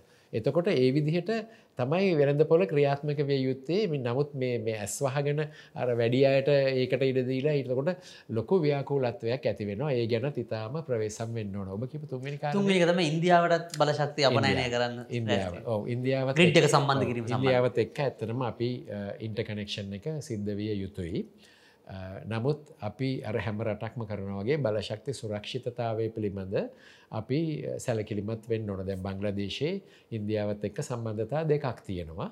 එතකොට ඉන්දියාවෙන් ආනායනය කරන ප්‍රමාණය බංග්‍රදේශයේ මුළු පරිභෝජනයෙන් සයට දහයක් විතර වගේ ප්‍රමාණයක්. ඒක මට පේන විදිහට නිකන් මට හැඟෙන්නේ ඒගොල්ලො ඒ සයට දහය ප්‍රමාණය තියාගෙන ඉන්න ඕනට වඩා ඉන්දියාව මත රඳාපතින්න ක්‍රමයකුත් නෑද දැන් ලංකාවත් සම්බන්ධ වේ යුතුයි. පද්ධතිය ස්ථායිතාවේ මේ සියලු දේම සඳහා හොඳයි. අපිට විදුලි අවශ්‍යලාට මිලදී ගන්න අපිට අතිරික්ත ඇතිල්ලට හට යවන්න. නමුත් එහෙම කලා කියලා අපි රටේ විදුලි බලාගාර එකක්වත් හදන්න ඇතුව මේ අපි ඊට පස්සේ තවදුරටත් මේ සතුටින් කාලය ගත කළොත් එතකොට අපේ සියලුම අවශ්‍යතාවයන් අපිට ඉන්දියාවෙන් තමයි ලබාගන්න සිද්ධ වෙන්නේ. ඇත අනාගතයන සමහර විට අපේ සුලන් බලාගාරවලින් විදුරිය නිෂ්පාදනය කරලා අපිට අනිත් පැත්තර යවන්න පුළුවන් වෙයි කියන ඒ මතේ තියෙනවා එකත් මංගරු කරනවා. නමුත් ඉමීඩියටලි වෙන්න පුළුවන් දේ තමයි අපි බලාගාර දැම් මෙතනින් හට හදන්න ලංකාවට ඕනකන විදුලි ඔක්කොම ඉන්දියාවෙන් ගන්නවා එතකොට අපේ රටේ විදුලිය මිල තීරණය කරන්න වෙන්නේ ඉන්දයානු වෙළඳ පොලේ මිල අනුවයි. ඉතින් ඒක කොයි ආකාරයට කැරකෙයිද දේශපාලනික වශයෙන් මේක කළමනා කරණය කරගන්න අපේ රජයන් වලට ශක්තියක් තියෙනවද කියන එක ම ප්‍රාර්ථනා කරනවා ඒ ශක්තිය ලැබේවා කියලා මේ පනතේ ඒ සඳහා බාධාවක් නෑ. අවසාන අවසාන ප්‍රශ්න දැන් අර සමාගම් අපි දන්නවා වෙළඳපොල ක්‍රමයක රජය ඒකාධිකාරයක් වුණත් පුද්ගලික ඒකාධිකාරයක් වුණත් දෙකම ප්‍රශ්න වැලකට මූුණ පාන දැන් එතකොට සමාගම් හැදුවට පස්සේ අපි මේක ඇතරම රාජ්‍යේකාධිකාරයකින් පුද්ගලික ඒකාධිකාරයකට දැන රොබතුමා කියවූ තරඟකාරී ස්වභාවය මේ සමාගම් වලට දුන්නට පස්සේ එනවද? නැත්තං සමාගම් කීපයකට වඩා මේකට සම්බන්ධ වෙන්න පුළුවන්ද? මං අවසාන වශයෙන් ඒකින් අපි සාකච්ඡ අවසාන කරු. විදුලිය බෙදා හැරීමක නං ස්වභාවිකවම ඒක ඒකාධිකාරයක්නේ පාරේ කම්පනි දෙකක වයර තියෙන විදිහන්නෑන වයර් නැතුව විදුලිය ලබා දෙන තාක්ෂණය තාම නැහැ. හරිද මේ දුරකතන වගේ නෙවෙයි. ඉතින් එම නිසා ඒ විදුලිය බෙදාහැරිම් ආයතන ඒ ඒකාධිකාරය ඒක එහෙමම තමයි නියාමනය මගින් පමණයි ඒ ප්‍රශ්නය විසඳන්න ඕනි. ඉතින් නියාමනය ඉතාම තද වෙන්න ඕන. නියාමනය ඉතාම ස්වාධීන වෙන්න ඕන. මොකද සමහර වෙලාවට මට හිතෙනවා දැන් විදුලි බල මණ්ඩලේ මංකිවේ සමහර පරිභෝගයන්නේ කිලෝමිටර් 40ක ඇතින්. එතකොට මට මට කරන්ටක නෑ කියලා දුරකථන ඇමතුම දුන්නම පුද්ගලික සමාගම කිවොත අයෝ යා කිලොමිට හතලිය කෑතකින් අපි යාව විසඳන්න සුමානයකින් තමයි. අන්න ඒ වගේ තත්ත්වලට ඉඩ දෙන්න හොඳ නෑ. දැන් සියලුම පාරිභෝගිකයෝ එක විදිහටයි විදුලි බල මණ්ඩලය ලෙකෝ ආයතනය සලකන්නේ. ඔයා බැඩි බිලක් ගෙවනවද අඩු බිලක් ගෙවනවද? ඔබ ඔබේ බිල විසි පන්දහ වනත් ඔබේ බිල රුපියල් පන්සීය වනත් ඔබ දුරකත නැමතුමක් දුන්නහම මේ ඉගොල්ලු එනවා. හරි? ඒගොලු ඇවිල්ලා ඒ අවශ්‍ය පිළිසකර කටයුතු කරනවා. අපිතම ගහක් වැටිලා වාරය කැඩලා. එතකොට ඔබ පෝසත් කෙනගේ ගෙදර දුපත් කෙනා ගෙදර කියලා වෙනසක් නෑ. නමුත් ඒ වගේ වෙනස්කම් අනාගතයේදී එන්න පුළුවන්. ඒ සම්බන්ධයෙන් නියාමනය ඉතාම වැදගත්. ඒක කරන්න අපිට දැනට තියෙන ශ්‍රක්ෂරක තමයි පාරිභෝගික මාජනපයෝගිතා කොමිසම. ඉති ඒක ඒක ඉතාම හොඳින් අධීක්ෂණය කරන්න ඕන. ඉතින් නමුත් අර දැන්තියන ක්‍රමවේදේ යටතේ වුණත් විදිරි බල මණ්ඩලය පාරිභෝවික සේවාවන් සපයන සංගුණක ඒ ඉන්ඩිසස් KPIස් එකක්වත් එහෙම නෑ. එහෙම එකක් නෑ. එකන පාරිභෝයික කිල්ලුම් පත්‍රයක් දැම්මම ඒ ඒ පාරිභෝයිකගේ ඉල්ලිම සලකා බලන්ඩ යන සාමාන්‍ය දින ගණන කියද හරි? පරිභෝගික කිවොත් මගේ මීටරේ කැඩල කියලා. එතකොට ඒ පාරිභෝගිකයට ඒ ඒ සේවාව සපයදීලා එයාගේ ප්‍රශ්නය නිරාකරණය කරන්න දවස් කියක් යනොත් ඒ සංගුණක අද අද ප්‍රකාශයට පත්වෙන නෑ දෙදස් දෙකේ පනතේ පවා ඒව කරන්න යෝජනා කරලා තිබුණ. අද අවුරුදු විස්සකට පස්සවත් තාමත් මම හිතන්නේ මේ විදුලිවල මන්ලේ දන්නවද දන්නෙත් නෑ පාරිභෝගයක ඇපලිකේෂන එක දුන්නොත් මං අලුතන්ගේ හැදවා. මට විදුලි සැපීමක් ඕන. පාරිභෝවිකයට කියන්න පුළුවන් වෙන්න ඕන අපි දවස් තුනක් ඇතුළ සැපීම දෙනවා උපරිම යන්න දවස් දාහතරයි කියලා ඒ විදිහටවත් වගකීමකින් ප්‍රකාශය කරන්න දැන්වත් හැකියාවක් නෑ. නමුත් අපි පුද්ගලිකාංශය ආවහම ඒක තවදුරටත් කඩා වැටයි කියන බයකුත් මට තියෙනවා. මොකද ඒක පුද්ගලිකාංශයේ ලාභය කියන කාරණය එතෙන්ට එන නිසා. පැදිලි ඇතර ඒ සමාගම්මලට අමතර අනිත් සමාගම් ඒ හතර බුදුමක කොහොමත් වය හතර පහක් දින්න බැඩි ගෙවල පැත් ඒකොට අනිත් සමාගම් සඳහා තරඟකාරී ස්වභාවයක් තියෙනවද? විශේෂම කන්ට්‍රෝල් නැත්තන් ඒ තරගේ අර පරිපාලන කරන බිඩ් කරන අවස්ථාව දෙගෙන කවද කන්ට්‍රෝලිං අවස්ථාවද අඩුම ප්‍රයිස්සක වැඩිම කොලිටියක දෙන්න කියන තැනින්ද ඒ කළමනා කරන වෙනිසා ඒකට යම්කිසි කාලසීමත්තරන මොකද එකම කන්ට්‍රෝලත් එක් අපි සදාකාලික ග්‍රිමට එකට යුත්තේ මදිසි මේ මනුස අපසට්න අපට මෙහ වෙලෝගන්න බැරිතත්වයක් උදනවා. ඒ සම්බන්ධයෙන් කොහොමද? එතකොට එක සම්ප්‍රේෂණ ජාලයත් ඒ අධිකාරය සම්ප්‍රේෂණ ජාල කීපයක් නැහැ. එතකොට ඒකනම් අයිතියසයට පණහක් රජයට තියෙන නිසා යම් කිසි පාලනයක් තියෙනවා. මේ සම්බන්ධෙන් ශ්‍රී ලංකා ඉජිනීර ආයතනය හොඳ යෝජනාව ගෙල්ල තියෙන හෝල්ඩිං කම්පනි එකත් තියන්න කියලා. ඒ හෝල්ඩිං කම්පනි කොන්සෙප් එක uh, සිංගප්පුරේ තියෙනවා. ඒ වගේම දකුණු කොරියාව තියන ම දකුණු කොරියාව අධ්‍යනය කරනෑ තරම් සවිස්තරාත්මකව. හෝල්ඩිං කම්පනි එකක් තියෙනවා. එතකොට ඩේවන් එකේදී රජයට අයිති සියලුම කොටස් මේ හෝල්ඩිං කම්පනයට තමයි යන්න.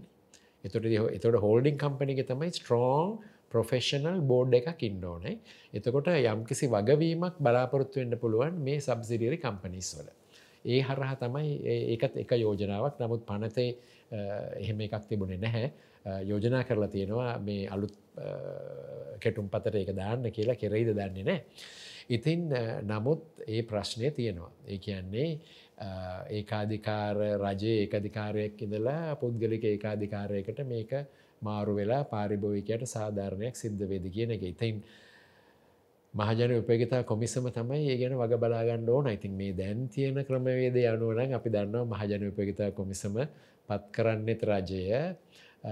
ඉතින් මේ දක්වා මේ පහුගිය වකමානුවේ නම් රජය කියන හැම දේටම මහජන උපේතා කොමිසම කිසිම ප්‍රශ්න කිරීමක් නොකර සමහරලාට පෑ විසි අතරකින් අනුමැතිය ලබා දුන්නා.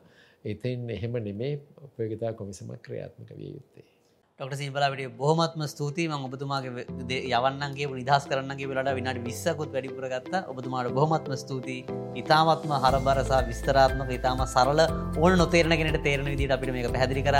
මතන ප්‍රේක්ෂක ගොඩක් මේකත් එක් මහිතන්නේ වැඩි දැනුමක් ගන්නද මේක ඇඩ්ඩු කතාරහට බලන්න පුළුවන් වගේ අපේ ඇඩ්ඩුකට ප්ලස් සරහ මේක පොඩ් ඉතා කුඩා කොටස් ගෙන ස්ලිපට් කියල.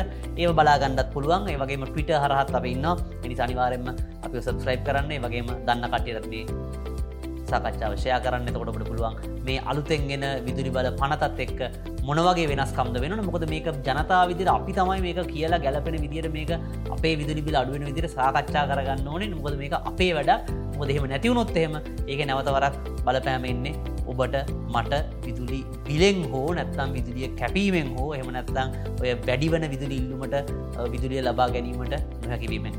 බොහමත්ම ස්තුති ඇඩ්ලොකතා එක තුනට අපි මේ වගේම තවත් සාකච්ඡාවකින් හම්බ හොම ස්තුතියි.